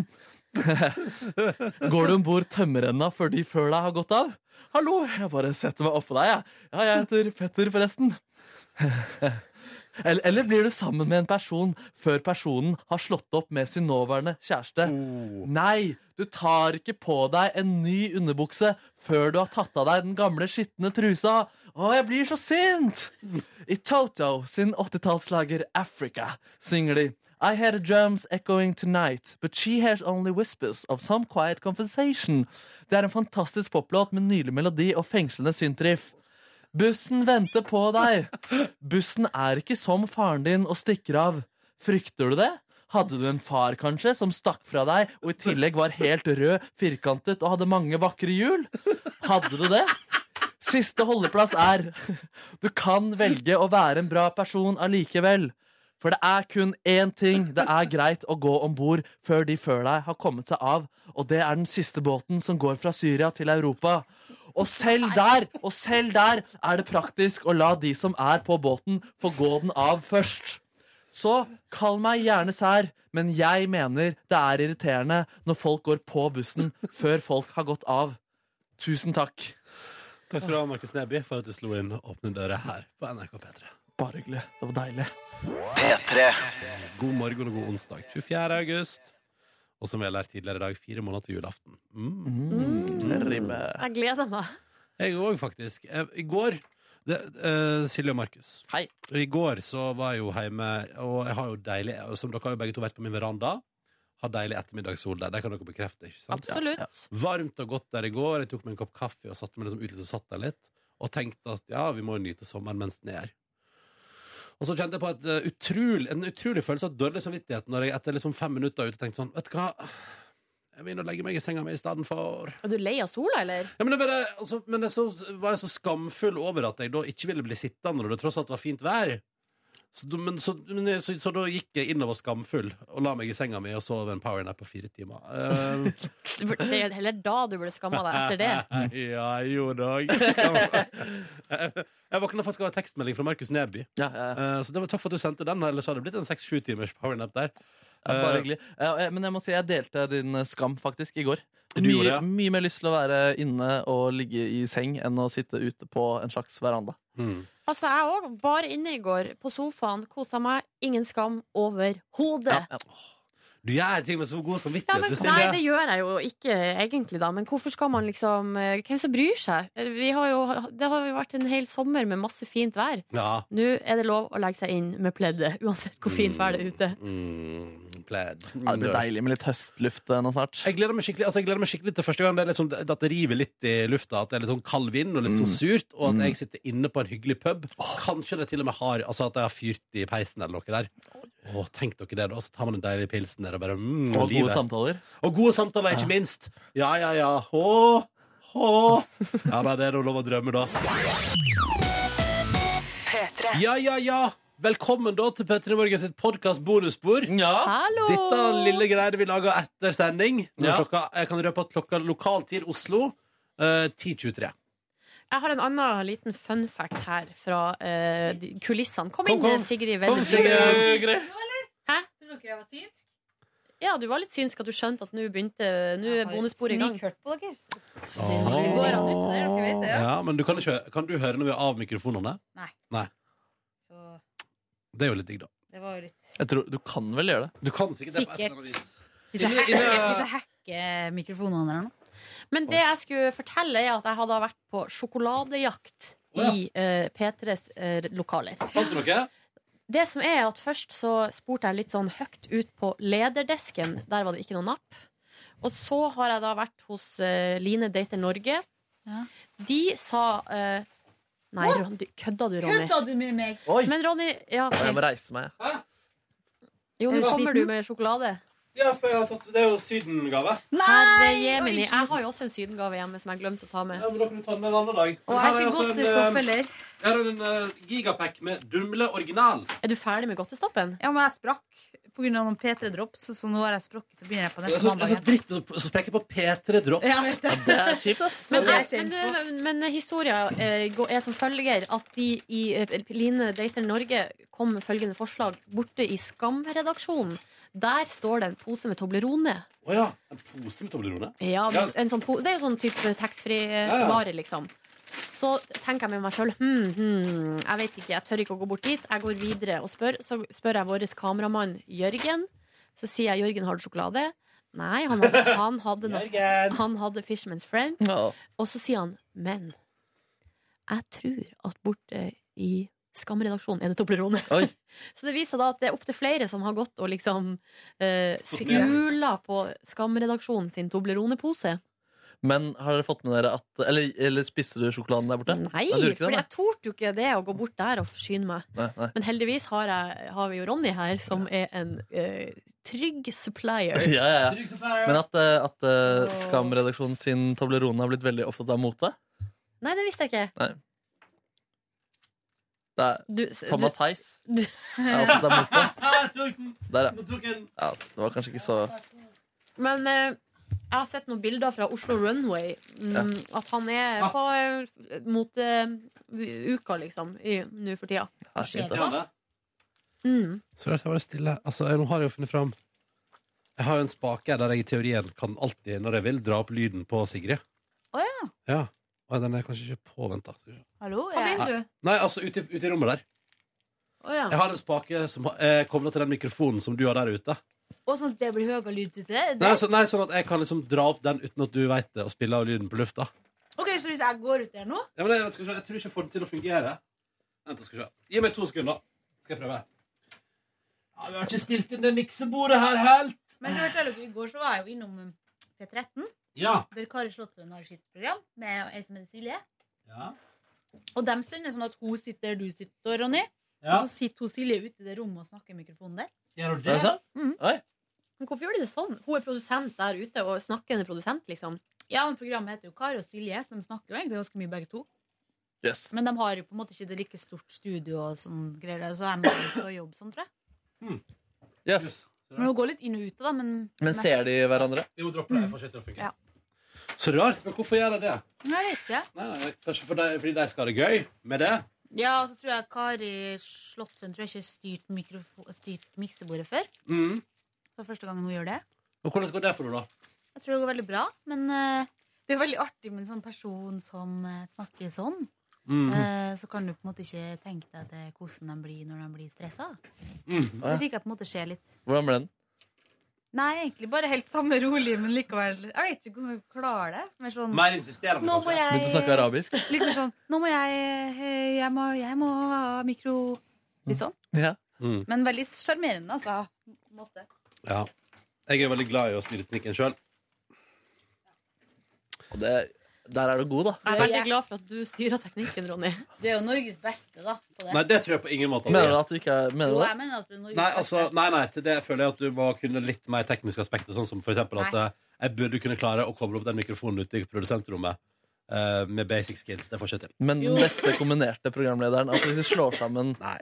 Mener du det? Nei. Mener du det? Nei, nei, nei, nei, nei. Jo, men det jeg mener, Ronny, at du har jo det greia der i fingrene med, med spakene som ingen andre. Det er Mm. ingen i Norge som hvis det hadde vært et mesterskap på spakefingring, eller hva som kalles så hadde du vunnet. Ja, Yeah. Radio Days neste år skal jeg lansere Altså kategorien spakefingring. Ja, eller i hvert fall at det er liksom en slags konkurranse der ute på Mm. Altså for i den, eh, altså i den gjengen det, den som er på radiodager, så tror jeg en sånn type litt sånn uhøytidelig spakefingringskonkurranse hadde slått godt an. tror Ja, det tror jeg faktisk. Eh, Hvem er raskest på miksebordet? Vil du spake? Og så må liksom hver kanal stille med én kandidat. Det hadde vært gøy. Det blir Ronny for oss, da. Nei, men altså fordi Eller sånn, jeg tenker altså, sånn er du, noe- du er ikke nødvendigvis noe rask Eller jeg vet ikke. Altså, sånn, jeg kunne sett for meg at noen andre Altså, he, altså, en te, altså Kanskje Helgar? Nei, han gjør det ikke like mye som deg. da. Jeg, jeg, jeg mener seriøst at jeg kan vedde ganske mye uh, av min årslønn på at Ronny er den uh... Ikke jeg, det. Ikke vedd årslønna di, Siggen. Du må generelt sett aldri, du må aldri vedde årslønna di på noe som helst. Hvis jeg skal være helt ærlig. Nei, det er sant. Men da er det artig med sånn tips om at man skal gå så og så langt. Ja. Det er på en måte mer eh, Ja, det kan man. gjennomførbart. Og da kan man lage et event av det, Mm. og så kan man invitere eh, alle nyhetshusene i hele Norge til å lage saker om at Ja. du plasserer deres fylke. Kanskje du skal gå til Kristiansund? Ja. Kanskje jeg sparer penger på det òg. Hvordan da? Vet jeg ikke sitter hjemme og knasker godteri og laster Mm. ting Hva, tror du, hva tror du at du gjør når du er på tur, da? Knaske ting. Ja, jeg tror at du gjør Knaska ting. Nei, hvordan går det med dere? Det er ganske så god form. Jeg er litt sånn um, støl etter jeg trente på mandag. Den, jeg var det ikke i går, men i dag så kom den. Mm, Det er et klassisk dag to-fenomen. Klassisk dag to-fenomen. Mm. Men ellers er jeg ganske godt til sinns. God psykisk helse. Eh, Omgir meg med positive mennesker. Gjør ting jeg liker. Eh, og bor i Norge da og har masse Generelt fordeler. vunnet lotteriet der. Ja, jeg har jo det, faktisk. Jeg, jeg våkna opp i morges med en uh, halsonde med ny kraft. Å nei, å nei, å nei. Så det altså, og det greia er at jeg føler at jeg har gjort alt riktig, fordi jeg har jo ikke liksom ikke vært på fest, ikke, gjort, altså, ikke trent, ikke vært kald. Jeg har gått med skjerf og masse klær ute. Tatt det med ro. Drukket masse vann. Hva mer skal jeg gjøre? Hva mer skal du gjøre? Gå Snåsa. til, gå til legen? Ja, snåsa? Men legen sier det er et virus, vi kan ikke gjøre noe. Mm. Så det gidder jeg ikke. Faktisk. Det gidder jeg faktisk ikke. Må spise en boks med Norton. Norton antivirus. Eh, Den er god. Den er veldig 90-tallssvung over den der spøken der. Ja, jeg var ikke så fornøyd. Nei. men eh, kanskje du skal Kan jeg, spør, en kan jeg bare spørre, hvorfor står du? Markus Eh, for, altså På grunn av eh, fysisk tilstand i kropp. ja. Altså Kjente at jeg trengte en forandring. Eh, Jeg Ja. håpet det skulle hjelpe med stølheten, men egentlig så gjorde det ikke det. Så det er fare for at jeg setter meg om ikke så lenge. Mm. Men er det så vondt, eller? Jeg syns det kan være litt godt å være støl, da. Ja, men nå var det litt sånn der, litt sånn der eh, Ikke sånn der intens følelse et sted. Det var litt sånn der generell Rastløshet i kroppen, På en eller? eller annen eh, måte, kanskje. Ja. Kanskje du har trent på deg sånne rastløse ben, som jo er en, et problem. En. Restless Ja. legs. De har jo sånn eh, r- rastløse bens forening og sånn. Mm. Men hva betyr det at du bare må bevege deg? Ja. Jeg har lurer på om jeg har litt rastløse bein. Altså. det. Spesielt når man sitter i ro, for på fly eller på tog. Da kan jeg få altså så rastløse bein. Og at du liksom øh, rister med foten og sånn. Ja, da at jeg bare har lyst til, å bare, jeg har lyst til å flytte på den hele tida. Men det er bra, da. Jeg har lest om at det er bra for blodsirkulasjonen, så det er nok en grunn til det. Her står det personer med denne tilstanden opplever episoder med plagsom, uimotståelig behov eller trang til å bevege leggene. Samtidig oppleves ofte en ubehagelig, men vanligvis ikke smertefull fornemmelse av kribling og mauring i tykkleggene. Kriblingene kan hos noen gi muskelsmerter og muskelspenninger. Vanligvis er plagene mest uttalt 15-30 minutter etter at du har lagt deg, men de kan også forekomme ved hvile på dagtid. Så det er jo gjerne når man liksom sitter i ro, eller ja, Åh, ligger i jeg, ro. nei, der, der slår det ikke inn hos meg, da. Hmm. Det er så jo litt varmt. irriterende hvis beina er rastløse, men du er egentlig dritlat, da. Eller sånn. Ja. Så du, du har liksom en smerte eller en ubehagelighet der, men du gidder ikke gjøre noe med Ja. det. Det er veldig ofte i livet det er sånn, da. Ja, det er veldig ofte i livet det er sånn. Eh, Men siden du var i gang, da, Markus Neby, hva gjorde du i går utenom at du eh, ikke var støl? Jeg var på eh, jobbens sted, altså her på huset. Mhm. Eh, og så gikk jeg hjem. ehm, og så eh, og så- Nei, så gikk jeg og møtte en, eh, en fyr eh, som, som skylder meg penger. Eh, Og du hadde jo med deg balltre og hele greia på jobb. Det var så kult å se deg når du gikk rundt med det og vifta. Og, ja. Um, ja, men det er han som liksom har et ansvar for å gi meg lønn for eh, sidejobben i Lermetre. Ja. Eh, også, så vi skulle bare ta en prat. Og han har jeg nesten aldri møtt, bare møtt han en gang før. Ja. Og det var, han var superhyggelig, og vi endte med å prate lenge og trivelig om norsk musikkhistorie og om dagens konsertvaner og hvordan unge liksom forholder seg til musikk i dag. Da. Og der hadde han jo ganske mye oversikt. Og Mm, det var gøy. spennende. Ja, veldig spennende, veldig spennende. Kult, så dere fikk skikkelig tonen. Ja, jeg vil Hvor si det. møttes dere? Nøytral grunn? Nei, vi møttes på Landermat, som jeg har prata dritt om kanskje for ikke så lenge siden. på Mm. et bonussporet Men det er så nærme meg, og det er så, det er så lett å forholde seg til. Da, det stedet. Spørsmål? Ja. Mm, jeg, har mange spørsmål her nå, selvfølgelig. Okay, okay. Det, det første som jeg regner med du ikke svarer på, er jo hvor masse penger får du nå utbetalt eller meter. Systemet. ja, Svarer ja, nei, jeg svarer ikke på det, nei. Nei. Eh, Det jeg lurer på er, for jeg hører deg snakke om eh, at du med så stor interesse har eh, diskutert sånn musikk og den type ting. Ja. Om du, Nå er jo du, 20, du blir 25 år. Ja, ja. Uh, og um, noen vil jo kanskje si at du liksom pi, Ikke at du pika nå, men du har liksom oppnådd mye du vil i livet liksom, allerede. Som 25-åring. 24. Så er det noen mulighet for at du på et eller annet tidspunkt har lyst til å gå mer inn i de der tingene? Sånn med studier eller Ja, eh, interessant spørsmål. eh, På en måte gå den veien mer. Mm, absolutt. absolutt. Eh, Jeg har ikke tatt noe valg rundt det, men ser for meg at jeg kanskje gjør noe litt Altså For eksempel leser, tar et fag eller sånn på et universitet. eller noe sånt. Det hadde vært gøy. Det kommer aldri til å skje. Tror du ikke det? Nei, men det er sånn, altså Jeg leste han derre Ikke vær så negativ! Fader sitter fem meter unna Nå er sånn mikrofonen. sidekick Nå er Sigurd sånn sidekick når det kommer sånne kommentarer. Så står Late Showa på TV. Ja, ja. Noen må jo være den katalysatoren i ja. Ja. Veldig bra, Sigurd. Nei, Veldig bra. han, Knut Skreiner, da, som uh, opplevde mye med sitt band Turbo Negro, gitaristen her, han har skrevet om det, da, at han, uh, og det å studere i voksen alder, hvor fint det var. da, At uh, han lik, likte kanskje det studiet han tok i voksen alder, mer enn han ville gjort som 19-20-åring. da. Men det kan jeg tro på. Ja, Ja, man har jo flere perspektiv og Og sånn. man er jo så læringsmett vet du, når man er 19 år. ja, men det Jeg var det iallfall også. Mm. Det Jeg lurer på om jeg på noe som helst tidspunkt i livet kommer til å skamme meg over at jeg ikke har bachelor. At jeg ikke er Altså, jeg er ikke utda- min, altså når, jeg, når jeg får spørreundersøkelser, Mm. og de spør hva er din høyeste fullførte utdanning, så velger jeg da videregående. Ja, ja, jeg føler du på en skam eh, knyttet til det? Nei, altså, i dag har jeg blitt invitert uh, I dag har jeg blitt invitert uh, et, med, Det er en kompis av meg som har tatt initiativ og spurt om jeg og et par andre har lyst til å komme på øl og besserwisser i kveld. Og at jeg sånn, ja, besserwisser, jeg det er gøy. Det, det, jeg liker sånn quiz-ting og sånn. Og så tenkte jeg sånn hm, jeg er jo den lavest utdannet der. Ja, ja. Og så tenkte jeg liksom de tankene. Men ikke noe mer enn det. Men jeg Men- tenkte tankene om at jeg var lavest utdannet av de som kom til å møte opp i dag. Men jeg tror ikke akkurat utdanning har så mye å si i Nei. besserwisser. Nei, men, du, men jeg var innom tanken. da. Ja, var men det skjønner jeg. jeg skjønner, Men nå skal jeg prøve å berolige deg med ja. at uh, du uh, sitter jo liksom Du sitter jo midt i et helt sånn enormt informasjonstilfang, på et vis. Mm. Sånn at jeg tror du på- på- ha- får med deg mye mer enn det du tror. Og det er sånn som er veldig bra i besserwisser. Heller det enn å være veldig god på ett bitte lite felt, Mm. som noen av de som har studert veldig lenge, er. Ja. Og så lærer du mye av det du konsumerer på fritiden. Altså Bar Rescue er jo ganske sånn Kan en del om drikkemiksing og sånn der. ja, ja, ja. Så har du jo sett mye på Amazing Race, så har du kontroll på geografien eh, Ja. der. Mm. Men Husk på hvor mye, altså, hvor mye av mitt, oss i tid i Volda der vi tok en bachelor som var å være dritings og så vidt karre seg på altså, Altså, for min del. snakk for deg sjøl! Nei, men altså, Med Westerdals så lærer man eh, kanskje mer på en, må eh, på eh, en måned i jobb i denne kanalen enn man gjør Det tror jeg òg. Ja. Fordi her er det ekte og ikke tull. ja, ja. Men, Det er jo litt hjelp.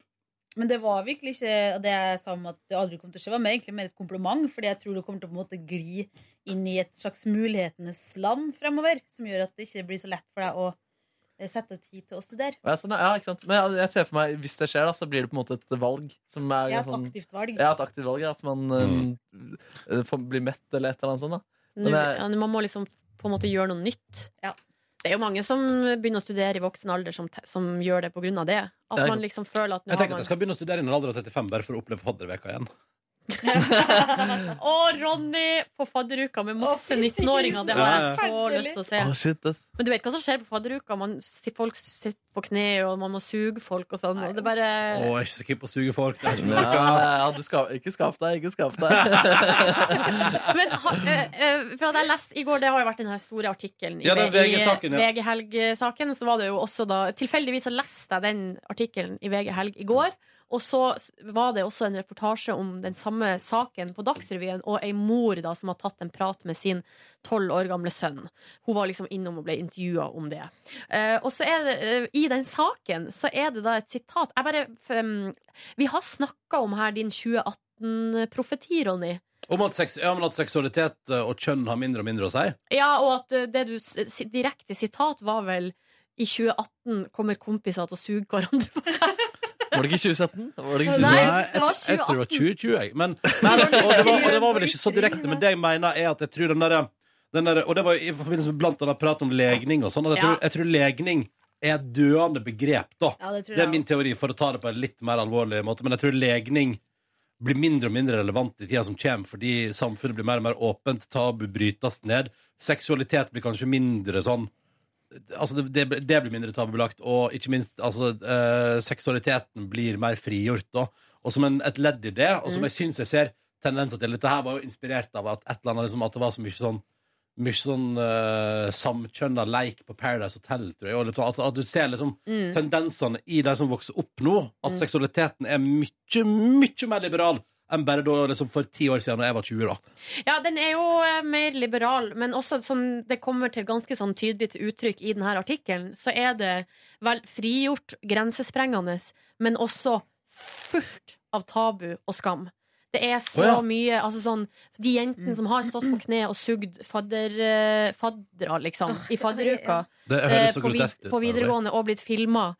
Jeg jo, syns jo ikke det er noe gøy da når de filmene blir spredt, og de har bind for øynene. Altså, det er Nei, liksom det er jo forferdelig. Det er det verste jeg har hørt. Det er jo over, før, slags er overgrep, overgrep. ja. Det er jo helt- Ja, det er jo det er jo helt- ekstremt Det er et slags grenseoverskridende. sosialt overgrep òg, på en måte. Absolutt. Um, men um, Så jeg tror liksom Men uansett, det der er, det er en stor, veldig det er alvorlig sak. Men liksom, det som jeg i hvert fall hang meg litt opp i i den artikkelen, var at det blir sagt fra eh, noe politi et eller annet sted. De har snakka med masse politi rundt omkring i Norge. Liksom. Mm. Hva, for at denne her, akkurat den, de casene i denne saken er jo fra Oslo østlandsområdet. Og så for å sjekke om det her bare er et sånn hovedstadsproblem, Mm. så har de jo da også ringt rundt til politistasjoner rundt omkring i landet, og alle bekrefter det samme. Eh, at eh, det er en veldig sånn seksualisert eh, oppførsel blant ungdom som glir over i Og der grensene mellom hva som er lov og ikke lov, er veldig uklar. Mm. Altså Ungdommene vet ikke hva det er de holder på med, liksom. Og at det å liksom det å ta bilde av eh, nakne folk og legge det på nett, det bare gjør folk sånn, liksom. Ja, Uten å tenke sånn. over at det ikke er lov. Det synes jeg er så rart, fordi jeg synes også det er også, Da er jo jeg helt eh, på jorda, fordi jeg, jeg har også en teori om at den oppvoksende generasjonen er veldig konsekvente på hva som ligger på nett, og har det der nettvettkjøret så utrolig inn i fingrene, da. Ja, Da tar jeg feil i det. eh, Ja, altså, jeg tror nok en del har det. Men, og, men at det, det er Det er litt sånn korttenkt, liksom. I øyeblikket man er gøy, det er en sånn gruppementalitet, man blir med på det. Eh, og så eh, tenker man på en måte ikke De tenker ikke over hva det er som skjer i the, in the long run. Mm. Men uansett, jeg må fram til det ene sitatet da, som på en måte fikk meg til å tenke på det som du sa, Ronny. For at en politimann, jeg tror kanskje det var i Finnmark, sa Det vi ser er at eh, en blowjob, for eksempel, er ikke noe som gjøres mellom to som er glad i hverandre. Det kan plutselig være en vennetjeneste på fest. Mm. Altså, på en måte, se- den, det bare Vil du vippse meg 200 kroner for en øl, eller vil du suge meg, liksom? Ja, eller sånn, eh, det, det var jo bare ei setning, men det fikk meg til å tenke på ditt, din 2018-profeti. Selv om det, det sto jo ikke noe om kjønn eller noe i den. Det var jo det du mente da når vi snakka om det den gangen. Ja, altså min, te min teori handler bare om at jeg tror legning blir mindre og mindre viktig etter hvert som folk eh, får et mer og mer åpent sinn, og Mm. etter hvert som seksualiteten beveger seg framover.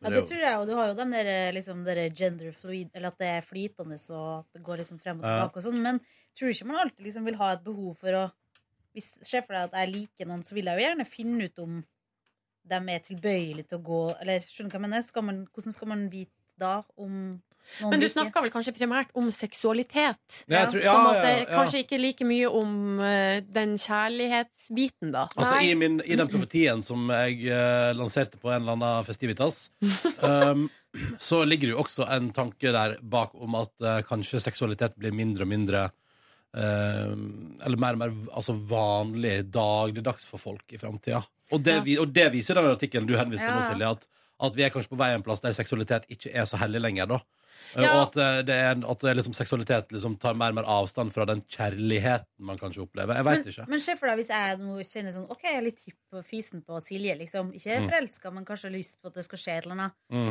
Så har jeg jo et behov for å finne ut om hun er heteroseksuell, eller, sånn, eller, eller om hun liker Om man har sjans, liksom. Ja. Men det gjelder jo på en måte egentlig om du vet også, da. Ja, altså, la oss nå si at uh, jeg var hypp på Silje, da. Ja. Eh, og, eller la oss si at jeg var hypp på deg, da, Siggen. Ja. Bare for å ta Da sier jeg ja, sier jeg du er heterofil. Ja. Så vil det jo fortsatt det fortsatt må jo man da finne ut om man er tilbøyelig. Så jeg tenker at legning har jo på en måte veldig lite å si når det kommer til den biten med Du må fortsatt gjennom prosessen med er det tilbøyelighet her, er det interesse fra den andre sida. Så det er uavhengig av legning, kjønn, sammensvær Altså, man må fortsatt Men gjennom jeg den tenker derre det er to ting man kan gjøre for å finne ut om man har sjans uten å vite om en rekke ting. da Det Mm. ene er en sammen med noen andre. Mm. Har ikke sjans. Eh, Er de interessert i mitt kjønn?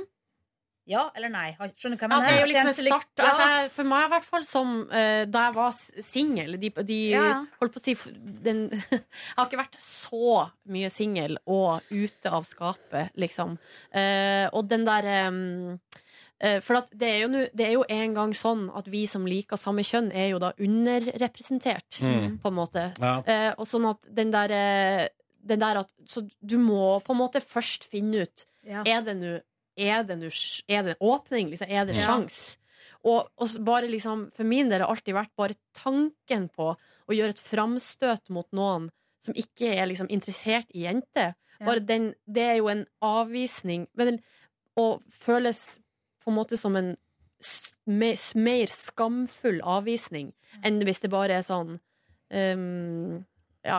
Det skjønner jeg litt, Og- men jeg syns det er fælt at det skal være sånn. For jeg synes Noe av det koseligste jeg har opplevd, det er liksom når ei anna jente har prøvd Merkin, seg på noe. Ja, da har jeg liksom tenkt sånn Det her er et århundrets kompliment, liksom. Ja, jeg det ville gjerne likt hvis du hadde et lite godt øye til meg. Det hadde jeg satt pris på. Ja, fordi Eller, eller, eller jeg, ville, jeg vil jo heller bli Altså Det er mulig Det kan godt være at det her er trangsynt, da. Mm. Men jeg tror kanskje at jeg heller hvis jeg, hvis jeg var der, i den situasjonen, tror jeg kanskje det hadde vært lettere å bli avvist pga. legning enn fordi Ja. jeg bare liker ikke deg. Du Ja, som individ er uinteressant for meg. Og den, jeg, jeg ser jo det poenget, liksom, absolutt, men jeg tror kanskje det jeg har Jeg har liksom kanskje vært redd for Og det er litt på grunn av på, eh, hvordan Nå har ting endra seg ganske mye de siste årene, men før den her eh, på en måte eh, hi- Litt den der det er unormalt, det er rart, det er litt ekkelt, kan noen synes. Men det er liksom litt er det Eh, sånn Hæ, trodde du virkelig at jeg likte jenter? det er litt sånn creepy. Det, det er Mm. Kan man dusje i lag med noe? Altså, kan man dusje i lag med de andre jentene? Altså litt den der, så jeg har liksom vært livredd for å bli oppfatta som sånn der eh, creepy lesbe, liksom. jeg er jo ikke redd jeg for det. skjønner, jeg skjønner det, så, så, sånn som jeg opplever deg som menneske. skjønner jeg At du er redd for å bli opplevd som creepy lesbe. Men det er litt så hvordan eh, jeg på en måte gjennom et helt liv da oppfatta at det ble snakka om sånne ting på. Ja. Og Med, det- ja, men med, der er- og det og med negativt, liksom. Det er Mm. alltid sånn æ, ah, ja. Og Mm. på alle filmer, ikke sant. Så, i, før så var det jo sånn hvis det var en, homofil karakter i en film, så endte jo den karakteren opp med å ta livet av seg på slutten, liksom. Det var jo veldig vanlig endelse på Så du sitter jo og ser og tenker sånn ja ja. Men det, jo det, men det er jo det som er så digg. Fordi det, det, og der er vi tilbake på min profeti, eller det jeg egentlig mener med Ja. den. Igjen. Akkurat alle de greiene der Ja, de er på vei De er ut. på vei ut. Ja, da. heldigvis. Ja, ja, om fem år. Altså, eller de som vokser opp nå, da. De som er 15-16-17 år nå, og som lærer seg om dette livet. I tillegg til at det tydeligvis er et umenneskelig press og ubehagelig og sånn. Men hvis vi ser vekk fra det, så lærer jo de om seksualitet på en litt annen måte. Og får inntrykk av seksualitet gjennom popkulturen på en helt annen måte, som gjør at jeg tror at legning er mindre skummelt, tabu, fremmed. Og jeg tror til og med at det etter hvert òg vil være mindre relevant for den oppvoksende generasjon. Og jeg håper på den måten håper jeg at jeg har rett. Ja, Mm. Og så kan man stille seg spørsmål om jeg syns det er noe bra at seksualitet blir mer og mer forbruksvare enn kjærleik. Um, for det ser jo også ut som det er på vei til å bli. Og det er litt synd. Det er litt synd. Ja. Ja, det. Um, Eller det er veldig synd, syns jeg. Eller jeg eller jeg, jeg er fortsatt der, og som et uh, menneske av min tid, så tenker jeg at seksualitet er noe litt så hellig mellom to personer. Mm. Det, er noe, det er noe intimt og noe som man har for seg sjøl, og som er, er liksom vårt. Mm. Uh, og den følelsen kommer nok jeg til å ha med livet ut. Men så ser man jo en tendens til at andre som vokser opp nå, kanskje ser mindre på det som det, og at kjærleik er noe viktig, men kanskje ikke seksualitet. Om det er bra, det vet jeg ikke. Uh, og det kan godt hende det ikke er det. Men på samme tid, altså, det, det ene fører jo med seg det andre. Og det blir spennende å se hvordan det her samfunnet har utvikla seg fremover. Ja, det er veldig spennende. Men jeg gikk faktisk hjem i går etter vi snakka i podkasten, og du fortalte litt om, eh, om hvordan ting hadde vært for deg, og du lurte på liksom Må jeg se sånn og sånn ut? Og ja, og da tenkte Eller der tenkte jeg aldri dere kom det i bonusbordet i Ja, det var mye interessant, men jeg tenker, aldri på, jeg tenker jo aldri på at Silje er lesbisk, hvis du skjønner. Så bare fikk jeg helt sånn Men vet du hva, Ofte, jeg tenker ikke på det sjøl engang. Og noen noen ganger så kommer jeg på det. Og så ser, og så ser jeg på kjæresten min, og så tenker jeg sånn Faen, jeg er lesbisk. Lol, det er jo ei jente! Og så- men jeg gikk i hvert fall hjem og så bare tenkte jeg sånn Og du elsker for- henne. Å ja. Ja, men jeg, var bare, synes det var, jeg gikk hjem og tenkte på det. Silje syntes det var så fint alt du snakka om. Nei, men Sigrid Så koselig. Det, ja, bare tenkte Nå skjønner jeg at jeg har glipp av noe i går. Jo, men man glemmer jo liksom litt alt det alle andre har å tenke på. Skjønner du nei. Man Ja. gjør jo det. Til sjuende og sist er det jo deg sjøl du bryr deg om i ditt Ja, liv. og så tenkte jeg at det har jeg brydd meg altfor lite om hva Silje går og tenker på. Markus Neby, du, ser, du er stille, men du, ser ut, men du sitter og rykker litt. Jeg koser meg. Jeg bare tenker, eh, tenker over ting. jeg. Ja. Uh, nei, men, eller fordi, ja, eller fordi en ting som jeg eh, fordi Vi har jo prata en del om dette med flytende seksualitet og Mm. uh, hvor dette vil bære og sånn. Fordi, fordi jeg tenker jo det selv også.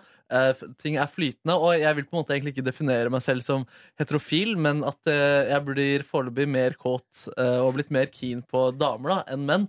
Men så det jeg liksom sliter med å skjønne hvis vi skal gå dit og ikke bry oss noe om legninger, er hvordan en homofil kan føle seg så tydelig homo. da. Eller sånn jeg liksom så på det ut av skapet, altså, Det er ikke noe tvil da, om at de, liksom, de er 100% homo. Da, og det føler jeg liksom strider mot den teorien. Og jeg, og jeg syns sånn, det også er vanskeligere å forstå da, at man føler seg eh, som en legning i den, eh, i den graden de gjør. Men det er kanskje et form for eh, Så du at- forstår på en måte ikke at folk kan føle seg så homo, skråstrek, du skjønner ikke hvordan man kan ha flytende seksualitet hvis folk føler seg sånn?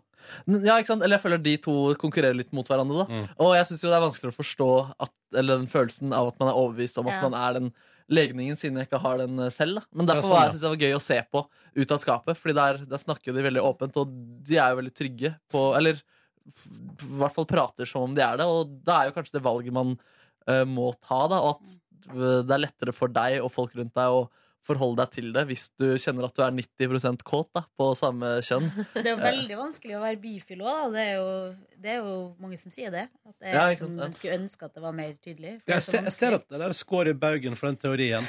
Samtidig tror jeg jo kanskje at eh, den teorien også er litt sånn at den er jo litt avhengig av at seksualitet og kjærlighet bryter mer fra hverandre. Mm, ja. Sånn at når du prater om legning, så prater du om kjærlighet. Mens du er mer tilbøyelig Altså, jeg vet, jeg vet ikke. Jo, men fordi jeg ser for meg at begge deler blir flytende. At uh, til slutt så er det personlighet det handler om. Mm. Altså både personlighet og kropp. da Der, eller jeg, jeg blir ikke helt enig med meg sjøl. Det er Nei. noe som jeg har tenkt ganske mye over. Og, men for min egen del så er jeg ganske krystallklar på at jeg nok ikke vil kommer til å ønske å dele livet mitt med en mann. Ja, ikke sant? Mm. På en måte. Selv om jeg kan eh, se en mann og se at han var kjekk, Mm. eller til og med være tiltrukket, liksom, og tenke sånn Det hadde vært gøy å ta på det hårete, muskuløse brystet der, liksom. Okay, ja. Eh, men liksom Men jeg klar, det er på en måte De gangene jeg har vært eh, Og det er jo kjempelenge siden, men vært For det er én ting å være liksom inti- Eller være fysisk nær en mann. Mm. Det er liksom eh, Ja, er liksom Det er nå én ting. Men de gangene jeg har liksom vært i forhold med gutter, så har jeg følt meg kvalt, liksom. Da har jeg tenkt så, og hatt fryktelig dårlig samvittighet og tenkt sånn Her er det Nå er, vi, nå er det her på feil premisser. Ja. Fordi at han tror at vi liksom Ja. Han føler mye mer for meg enn jeg Altså, jeg, jeg føler ingenting, føler jeg. ingenting. Ja, ja, Liksom. ja, ja. Og, og det blir- en sånn der stor sånn stein eller klump i brystet som bare blir større og større, og til slutt så bare får man klaustrofobi, liksom. Jeg må Mm. ut, det her går ikke an. Mm. Så, um, så jeg tenker så, Jeg følte meg da jeg kom ut av et langt forhold med ei jente og var liksom i slutten av 20-årene, så følte jeg meg friere hva skal jeg si, seksuelt enn jeg gjorde før. Eh, fordi at jeg var så, på en måte så trygg på meg sjøl. Mm. og også hele, alle, he, alle rundt meg vet hvem jeg er. Sånn at da føler jeg ikke at jeg lurer ingen, på en måte. Uff, gir det mening? Ja, jeg forstår. Ja, ja, ja. Men, eh, eh, men Markus, mener du liksom at du er ganske sikker på at du på en måte kunne vært interessert i en gutt, hvis det bare måtte være rette Ja, omstendigheter? det tror jeg ikke før jeg får se det, mister. Nei, jeg håper at Eller sånn, hvis, hvis samfunnet hadde vært bedre når jeg vokste opp, så hadde det kanskje vært lettere. Uh, men Men det betyr jo eh, at det er du tenker at det er ikke helt uh... ja, Nei, jeg tenker ikke at jeg skal utelukke det, liksom. Nei, nei. Uh, det hadde sikkert vært gøy å Jeg vet ikke. eh, Se hvor langt eh, Nei, altså, det virker jo ikke naturlig, da. Og jeg, jeg vet ikke om jeg ville prata så høyt om det heller. Om jeg hadde eh, blitt pult i ræva av en fyr, eller eh, pult en fyr i ræva, eller sugd en fadder, eller hva det skulle være. Det virker som du nå bare Du har bestemt deg for at du skal være uh, sexual free spirit. Ja, ja, Men jeg er ikke ikke. helt sikker. Nei, jeg er ikke helt sikker, liksom. Men uh, Tanken er god! ja, Tanken er fri òg. tanken er veldig fri. Men jeg også har det sånn at jeg liksom uh, Men jeg skjønner litt hva du mener med at man har lyst til å definere seg sjøl. Fordi jeg òg tenker jo at jeg er hetero, men jeg er jo veldig åpen for å eh, Jeg tror jeg kunne ha blitt forelska i ei jente. Tror du det? Ja. På ekte, liksom? Ja, det tror jeg. Men jeg har ikke, vet ikke helt om jeg har lyst til å tillate meg å bli det. Men jeg har Hvorfor ikke? Nei, det handler mer om framtida. Jeg vet ikke. Jeg bare at det, at Ja, det, noen ting er litt mer tricky. Ja, det er Men det, mange altså. ting er også mye enklere, Siggen. Man får Ja. dobbelt så mange sko. Ja. Og dobbelt så stor garderobe. Og da skal finne meg en liten nett. ja. Finn noen med samme skostørrelse. Men, men, er det, er det, men er det liksom Når du sier det, da, Siggen, er det fordi du tenker sånn at å, den veien der, i en alder av så gammel som jeg er nå, orker ikke jeg å begynne å gå ned og finne, prøve å finne ut av en, om det er noe nede i veikrysset der, liksom? Eller er det, hva, hva er det, liksom? Nei, jeg vet ikke, men jeg har liksom aldri um... Men blir du forelska, så blir du forelska. Da kan- må du Ja. ikke, Men da jeg, må du jeg, ikke har- stoppe. tror jeg nesten har vært det. En gang. Oi. Ja, eller ikke, ikke forelska, men veldig betatt, i hvert fall. Mm. Av ei jente. Og så gjorde jeg ikke noe med det, for jeg skjønte at, på ettertid at det var det. Jeg tror kanskje jeg følte at hun likte meg litt òg. Men så ble hun sammen med noen andre og gifte seg med ei jente. Å ja! Se der, ja. Mm. Men hva jeg skulle si nå? At jeg hadde et slags uh, poeng som jeg har glemt. Hadde du poeng? Hadde du poeng? Men jeg må bare si at jeg har aldri prøvd liksom, å gå den veien sånn seksuelt. Så kan det hende at jeg hadde fått helt sånn som du sa. Bare Nei, det Men jo, det var det jeg skulle fortelle At jeg har en venninne i eh, USA Som eh, bor på, i California. Altså hun er fra USA eh, Har vokst opp i, eh, på et sted i California. Veldig liberale foreldre.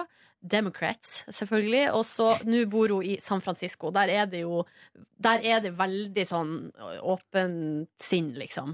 Og så eh, var vi på besøk der Og så jeg og eksen min da. Og så kommer det plutselig fram Og det visste ikke jeg engang At hun hadde vært sammen med en jente i to år Og jeg bare Hun venninna di? ja, så jeg bare uh, OK. Så hun bare ja, ja. Alle i eh, San Francisco går both ways. Eh, bortsett fra ei venninne hun hadde som ikke gjorde det. Som Ja. var liksom unntaket, som bekrefta regelen. Ja. Og så var det sånn, å ja, men, uh, men så sa hun også sånn at um, At hun hadde vært sammen med jenta i to år, likte hun veldig godt. Men på et eller annet tidspunkt så kjente hun etter veldig godt og fant ut at det ikke ga hun på en måte nok Verken emosjonelt eller fysisk. Altså, hun ville ha en mann, Ja. på en måte. Mm. Ja.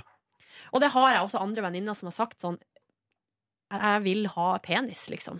Mm. Eh, og det vil ikke jeg ha. Sant? Så der skilles vi våre veier. Mm. Men altså, Det, det, er er liksom tydelig, det er jo veldig tydelig, da. Det er veldig tydelig. På en måte, det er jo noe, et eller annet biologi også inni det her. Men tror du liksom virkelig at det er liksom penisen i seg sjøl? Eller er det hele? Nei, Altså, det er jo også mann, liksom. Ja, fordi jeg bare tenker sånn penis er ikke så viktig for meg. Men, eller nei, jo, nei, nå ble jeg veldig Nå ble jeg flau. Men eh, Ikke bli flau. jo, nei, jo, det er viktig, men eh, det er jo mange andre ting som er li- like viktige, da. Tenker jeg. Men det er, jo det, det er jo noe der som man ikke helt klarer å forklare. Mm. Det- Jeg klarer ikke helt å forklare deg heller hvorfor jeg heller vil ha ei jente enn en mann. Nei. Fordi jeg, kan jo, jeg kjenner jo masse gutter og menn som er superfine, som jeg har kjempegod kjemi med. Og tenk, noen ganger har jeg også tenkt til og med sånn Fy fader, hvor bra vi kunne vært. Ja. Liksom, Ja, ja. Sammen. For et bra team vi kunne vært, og for noen, for noen fine unger vi kunne laga. Liksom. Mm. Men nei. Nei. Nei. Herregud. Ja, Nei, men, altså, men altså, noen, altså, noen føler jo virkelig legningskinn også. Altså, du har jo altså, folk som altså, føler legninger som de skammer seg over, og som ikke er bra, på en måte, og som de vet selv ikke er uh, bra. Og se, men selv de føler jo den De føler jo en sånn veldig tydelig legning. Ehm, eller dragning mot ting som uh, jeg ikke har prøvd, eh, på en måte. Altså, så det er, jeg, jeg, sånn- jeg, det er spennende å se jeg skal se mer på Ut av skapet og bli mer kjent med folk som føler seg trygg på sin uh, fremmede legning. Gjorde noe mer i går, Markus? Eh, sov da, og så dro jeg på den, eh, så på den premierefesten. Lagde meg noe kykling. eh, og noe soppaktig stuing med Oi, melk. Soppaktig stuing? Ja, fordi jeg søkte på soppstuing-oppskrift, og så lagde jeg ikke akkurat den, men inspirert av den. Oi. Gi meg noe sladder fra fest! Kom igjen! Åh, Kom igjen, Gi oss noe sladder fra premierefest! Uh. Oh, uh. Så du noen spennende folk? Ja, det var masse hyggelige folk der. Det var bare å komme gjennom de første ti minutterne, så var det liksom, da var det deilig. Hvem var den største kjendisen? Oi, eh, nei uh, Magnus Devold, kanskje? Oi? Siri Seljeseth var der. fra Ungelovene. Hvordan går det med ungelovene nå, da? Jeg, jeg prater ikke, så mye- jeg prater ikke med henne, egentlig. Nei. Jeg Eh, gleder meg til sesong to. Ja, det blir spennende. Jeg lurer på hvordan det går med hun som ble lagt inn på slutten der. Ja. Følg med, da. Jeg skal følge med. Uh, skam, Humor jeg. Njø-gjengen, Humor Njø-gutter var der. Bjørn kan. Kan jeg fortelle hva jeg opplevde i går? Nei, nei. Jeg opplevde jeg skulle inn på kopirommet for å hente lim En sladder fra greier. kopirommet. Nei, og så og sånn greier til, eh, til meg og Markus sin eh, kunst- og håndverksverksted. Ok. Og da kan jeg fortelle dere det at da ble manuset til episode én av nye Skam-sesongen printa ut. Og jeg prøvde Oi, oi, oi. stjele. Åh, det var dumt at du har så dårlig syn, Ronny. Ja. Hvis ikke så kunne du ha fått Snek, snek litt. Ja, ja. Det, er også det, det er som med andre ord, på papir i lokalet her, bare verserer det et første manus. Jeg Fy bare fader, du kunne ha tjent masse penger på Tenk om jeg hadde solgt det! Eller lagt det på På en deep. Tenk hvor mange friend requests jeg hadde Men fått. det hadde jo ikke vært noe artig. ikke sant? Nei, selvfølgelig ikke! Du hadde mista jobben nå, sikkert. Og når jeg sier at jeg har lyst til å lese det, sånn, så er det jo egentlig bare tull. Jeg vil jo ikke det. Jeg vil se det på video på internett når det kommer. Mm. Men da beklager jeg. Bjørn Asgeirsson og Humanjø var der. Ja, eller Bjørn Askershaug og eh, Erlend Mørk. eh, fra- eh, Det var de jeg prata kanskje Eller i hvert fall Erlend vi prata etter eh, showet. da Ja. God, god samtale meg si. at dere har et god chemistry. Ja, det var jeg, jeg, jeg, jeg det gnistrer faktisk. det. Det, det gnistrer der, Fikk du altså. lyst til å ligge med han? Mm, nei, det gjorde jeg ikke. Nei. Nei, jeg gjorde ikke det, altså. Nei, nei, nei. Prøver så hardt. Ja, ja. Nei. Er det noe i meg som har lyst til mm, Nei. Ikke denne gangen heller. Nei, ikke det. Nei, og så ja, var det litt eh, Noen pilsners, og så sovnet jeg godt i min seng da jeg kom hjem. Kan jeg nå, bare fordi eh, jeg hiver meg på, for at Markus har jo laga mat i går. I går lagde jeg retten som Markus lagde i vegetarkonkurransen. Du? Og Markus, det var litt vanskelig Eller det, det satte tålmodigheten min på prøve. For den der steikinga av de der squash-skivene, Aubergine. det- aubergineskivene, Ja. det burde du advart meg mot. Ja, det burde jeg kanskje gjort. det Fordi jeg var meget sulten. Og så skal man da steike alle skivene, og det var ganske mange av dem. Ganske mange, og det tar tid, ja. Og så skal du gjerne trekke litt uh, det er ut veldig olje godt å også. spise dem før du putter oppi, ja? Eller Mm. gjorde du det? Ja, det er Jeg godt. spiste ei, ja. Ja. Men greia var at jeg må, kunne jo ikke spise de, for de skulle jo opp i den der forma. Ikke sant? Ja. Og så må jeg også, for å evaluere retten Din smakte bedre. Jeg mener det. Takk, takk. Eh, og min Der ble Men er, ikke du, er du sikker på at det ikke er fordi Markus sin hadde stått over natta? Det kan Mat hende. blir jo Altså, suppa mi var enda bedre i går, da. Å ja. Ah, ja. Men Åh. problemet var eh, at jeg syns det var for mye ost. Ok, ja. Mozzarellaen klump Altså, det ble for mye ost. Okay. Men vi diskuterte her, jeg og min kjæreste, mens vi spiste. Uh, hun var superfornøyd med Ja. ostens uh, Kraft. mengde. Men Ostens kraft. Ostens uimotståelige kraft. Det er Jørn Kårstad sin TV-serie, det. Ostens uimotståelige kraft.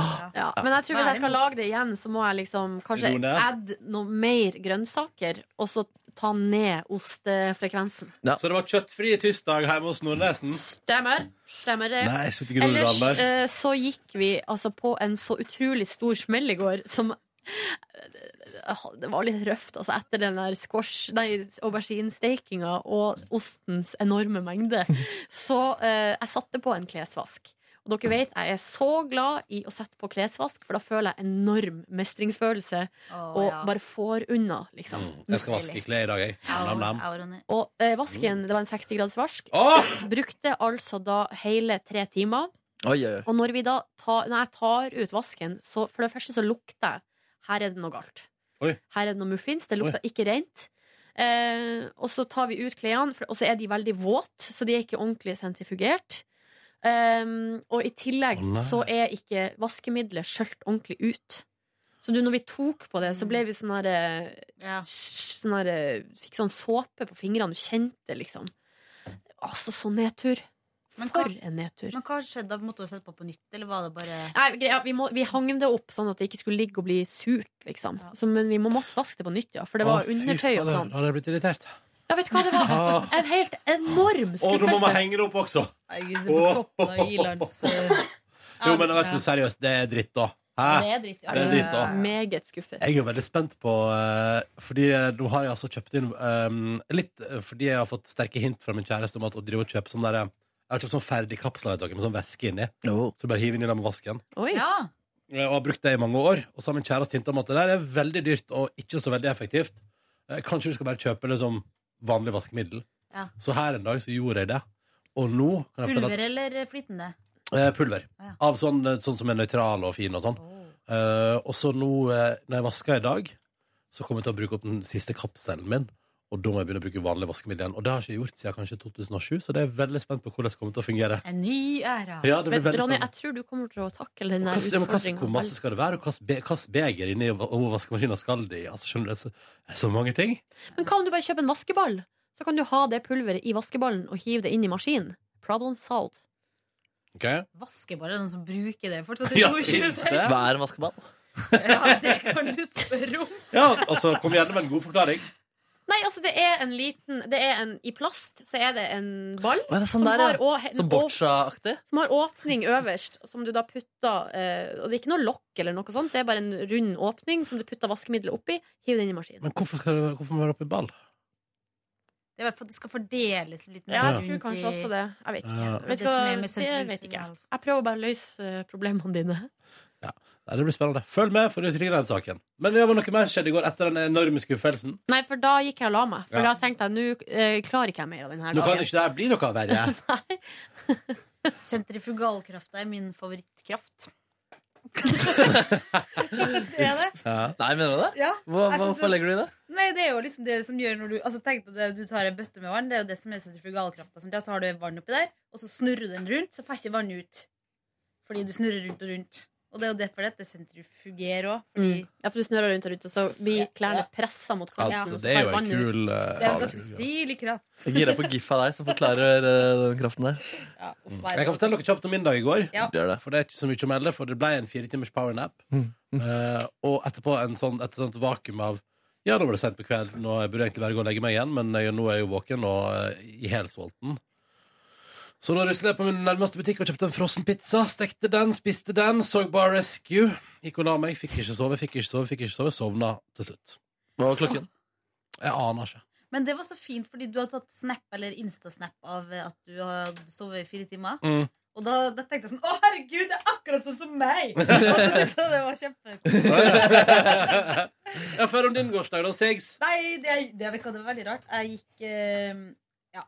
Jeg skulle til en time med hodet, rett og slett, eh, etter jobb. Altså psykolog. Ja, og så Derfor så måtte jeg på en måte slå i hjel tida før det. Og da, med hodet. ja, og da ja, Jeg bruker egentlig å si krympe hjernen, men det høres så drastisk ut. Ja. Det var, ja, og så Derfor så skulle jeg trene imellom der. tenkte Ja. jeg. Så jeg skulle jogge med en tur. Så jeg for opp til Sognsvann, for jeg tenkte å jogge og bade. Gøy. Men tror du ikke jeg bare skulle slappe av litt i kvarter først? Sovna og våkna en og en halv time senere. Hvor? På Sognsvann, på plena der. Nei! Er det sant? ja. Deilig. Og jeg hadde liksom bare logget det på jakken min, og så våkna jeg av at jeg frøs. For sola hadde forsvunnet. Og så var jeg bare å sette seg på T-banen og dra til psykologen. Og... Wow. Uff, det var litt Den er god. Ja, det var litt Den er god. Jeg bruker ikke, bare så dere vet det, Min far vet ikke at jeg går til psykolog, så det her blir mellom oss, kjære podkastlytter. Herregud, skal vi lage en serie der du, uh, kom, altså, du må Kom reise til Kristiansund og fortelle far din at du går til psykolog? Skammer du deg over det forhold- med tanke på faren din? Ja. Gjør du det? Nå gjør du det? ja, eller jeg burde Jeg vet at jeg ikke burde det, og jeg mener virkelig at enhver person i Norges land og verden har godt av en time til psykolog. Ja. For Han lærer masse om seg sjøl. Jeg syns det er veldig interessant. Og jeg, hvis så lenge jeg kan gå dit, så gjør jeg gjerne det. Eh, Jeg synes det er fint. Utvikler meg som menneske, og så videre. Ja, ja. Ja, men, eh, men pappa vet ikke det, og han er sånn som hver gang han ser på noe på TV, så sier han det her lukter tung psykiatri! og, så, og det er jo folk som jeg anser som ganske mye mer normale enn meg sjøl, så da tenker jeg oh my god. Har du eksempel på personen? Når, ja. Alex Nei. Nei, det har vært mange. Det er bare herregutt. Jeg må bare si det der, er bare herregutt. Jeg angrer på at jeg er herregutt. Hva sa du? Hva sa du? Alex Rosén. Random? Ja, det er helt random. Det var, unnskyld, det var ikke meningen. Yes. Beklager du til Alex Rosén? Hæ? Beklager du til Alex Rosén? Jeg beklager at jeg bare heiv ut navnet, men da var liksom det første jeg kom på som er litt utenfor Men det er jo veldig rart, da, Fordi det er jo på en måte en hemmelighet mellom meg og mamma. Å ja. Hvis du Ja. skjønner Mamma vet det, pappa vet ikke. Men Men ble er hun overrasket? Er hun òg keen på at det ikke skal fortelles? Eller jeg tror hun er bare sånn Nei, nei, nei, vi trenger ikke å Pappa har liksom det Det er liksom uh, ikke sånt man eh, trenger å gjøre og holde på med. Å, det høres hyggelig ut å være hjemme hos deg. Spise taco, og faren din Her lukter det tung psykiatri. Og det er det artigste de vet, er å liksom mobbe folk for hvor psykisk fucka de er. Så Men ikke holdt med syndromer. eh, Nei. Nei. Men eh, ok, nei, men, altså, hvis, altså, For alle lyst til å dele det på bonusbordet, så er det veldig hyggelig. Men da må, da må bonusbordlytterne uh, ta vare på trusten de får hos oss. Ja, og så tenker jeg jo at eh, Men jeg skulle ønske at jeg var litt mer modig på det, fordi ehm, det er faktisk som min eh, psykolog sa i går. han snakka om Fabian Stang. I går så var jeg ofte så forteller han meg bare ting. Som er koselig. Han syntes det var så flott når han var på eh, god um, sommermorgen, eller jeg vet ikke Nei, hva. sommeråpent. Ja, og snakka om det, og så sa han sånn Hva snakker Fabian Stang om? Han har gått på en smell. Ja, sin smell. Å, hva så smeller? Ja, Nei, etter at han gikk av som ordfører, så har han gått på en, han har gått på en smell før, men det her er en ny smell. Oh, ja. Og da sa han sånn, min eh, psykolog at eh, han syntes det var så bra, sjøl om det er masse kjendiser som går på psykiske smeller, bla, bla, bla, fordi for dem eh, få ute der som ser på og tenker å, det er sånn jeg har det, så på en måte hjelper det alltid, da, uansett. ja, ja, selvfølgelig. Så da gitt han litt kudos til Fabian Stang for det. Det var litt overraskende. Litt eh, karakterbrist for min psykolog. Ok, ok. Men eh, ja da. Nei, men Skal jeg si eh, dere en fun fact om min psykolog? Så er vi inne på det. Ja, Han altså, spiller ja. i Presten. Altså Har- filmen, presten. Nei, den nye serien til Bjarte. Beate Tjøstheim. Å, gjør det? nei, burde jeg Eh, Har jeg, tau- har en taus, har jeg taushetsplikt tilbake? Nei, nei, det er han som skal være med deg. Du har jo ikke skrevet under på noe, har du det? Nei, men jeg tror ikke han har skrevet under på noe heller. Nei, kanskje, kanskje han outa liksom at, eh, sånn, at han liksom går nå og så sier han sånn En av eh, klientene mine deltar altså i Petter Morgens bonusbord. Ja, men jeg gikk jo vet du, fra en, eh, jobb, en dag på jobb, så s- møter jeg en pinadø i ra- TV-resepsjonen. For da skal han inn og prate om psykologi på Nei, TV. det var der bare var sånn Hvordan reagerer man nå? Sier man hei, da? Eller later man som man ikke kjenner hverandre? Hvordan er liksom Jeg tror, det, jeg tror det er helt opp til deg, og så tror jeg at han er vant med begge deler. Jeg sa hei, og så sa han sånn rolig hei, og så sa han det neste gang jeg var der, at han spiller da en biskop i serien Presten. Yes, no. er. yes. Er det en, kjendispsykolog? Nei. Peder Kjøs! Finn Skårderud? Nei, det er fint. fint. Å, det var artig å se Finn Skårderud i biskop. Ja. Nei, men eh, delte jeg for mye nå? Var dere litt eh, Nei, vet du hva? Jeg Nei. syns, jeg syns Nei, at eh, nei, nei. Altså, Markus har jo sagt at han er eh, på vei til å bli homo. Ja. Nei, jeg sa at jeg altså, Vet du hva, jeg- altså, jeg Hadde kødda. samfunnet vært bedre, så hadde jeg kanskje vært mer homofil. Men det er jo litt sånn, sånn Jeg angrer på men det. er- ja, Ikke at det går sammenlignet sånn, men det er litt sånn som at jeg vet at det alltid er noen som hører på, som tenker 'herregud, går hun til psykolog'? Det er jo fortsatt folk som tenker det. Ja, det er rart. Det må du slutte med. Jeg har også Ja. vært hos psykolog. Jeg vurderer å eh, be om eh, ny resept, holdt på å si. Ja. Jeg har bare vært hos psykolog sammen med Silje Nordnes. Jeg har Ronny vært på Parterapi. Ja. Skulle vi ikke ha bedt om ny parterapi, oss tre? Altså, oh, tror du man kan få altså, familieterapi? Jeg har to Yes. timer til gode her på jobben etter jeg mista programmet. Du? Så på grunn av det så, vent, fikk, fikk du Så du sparer på det? Vent. Fikk du, fikk du psykologtimer fordi Ramona Siggen gikk av lufta? Tilbud om to timer! Jeg fikk tilbud en gang, jeg fikk tilbud om eh, en gang, men da takka jeg nei. Og det angrer jeg litt på, for jeg tror man kan lære litt om seg sjøl. Absolutt. Ja. Det er kjempenyttig.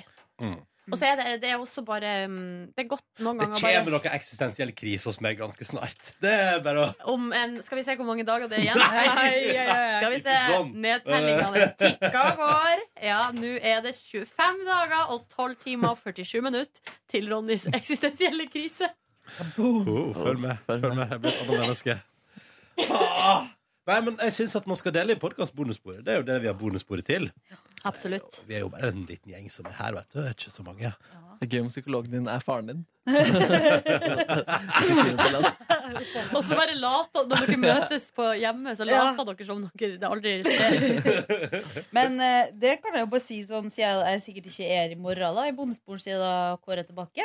Ja, At jeg vil bare si at det er så koselig at jeg får lov til å være sammen med dere. Ja, det er så Men luksus eh, nå når du jobber i Petter i Morgen, er det bare å spasere innom bonussporet når du vil, Siggen. Å, takk. Det liker jeg så godt. Så det er litt opp til deg, egentlig, hva du vil gjøre ut av din arbeidsdag. Ja. Men hvis dere ser meg gå rat, raskt forbi, så er det ikke fordi jeg ikke vil, det er fordi jeg må jobbe. Ja. Eh, skal vi gi oss for i dag, da, kanskje? Ja. Vi må For et få ut den bonusspor. podkasten her òg. For et bonusspor. For et bonusspor. Hege er jo som sitter og klipper der. Kan man gå inn og kose seg. Takk for at du hørte på. Tusen takk for at du hørte på.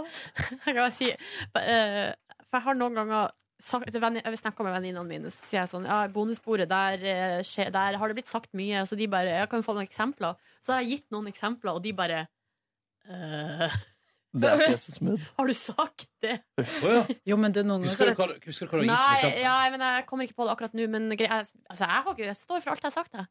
Ja. Men uh, vi er jo liksom Det er jo noe, en ting å si det her, og det er noe annet å si det på lufta eller liksom i et intervju med noen andre. Det skjer jo ikke. Men det som er deilig med det opplegget her, er jo at de vel 50 minutter vi har prata nå, er det en liten gjeng som hører, og som uh, kan velge om du vil kose deg med eller ikke. Mm. Og så er det ingen flere. Og det Og så kan vi hilse til våre tippoldebarn, som kanskje hører på dette i 2090 og får et inntrykk av hva slags folk i deres olde Vet du hva? Å gud, for det forsvinner aldri. Ja. Nei, Ja, det er sånn Jeg tatt, håper de har tatt i flitt med betrakt, seksualitet. tida tatt i betraktning. tenker jeg sånn, Står for det. Jeg heter henne, jeg Står for Ja, det. Ja, bare Det hilse, gjøres. til- hilse til dem. Hallo. Hallo. Hei, etterfølgere. Håper det For jeg håper jeg får noen. Au. oh, Der gikk vi. Jeg gikk på minisilje prøve rundt i verden. Den debatten eh, tar vi en annen dag. Skal vi, skal vi prøve å gå ut på noe litt, eh, litt mer sånn oi? Skal vi ta nudlene bobler-sangen? Ja! Nei, oi, det har ikke jeg gjort. Nå, nei, faen, hvordan Vær så det? god, Nebby. Nud, nå, når nudlene bobler og gresset gror. Null-boogie, null-boogie-boogie. Nudlene bobler og gresset gror. For nudler er bedre enn snø fra i fjor. Hey. Det sa min mor. Hør flere podkaster på nrk.no podkast.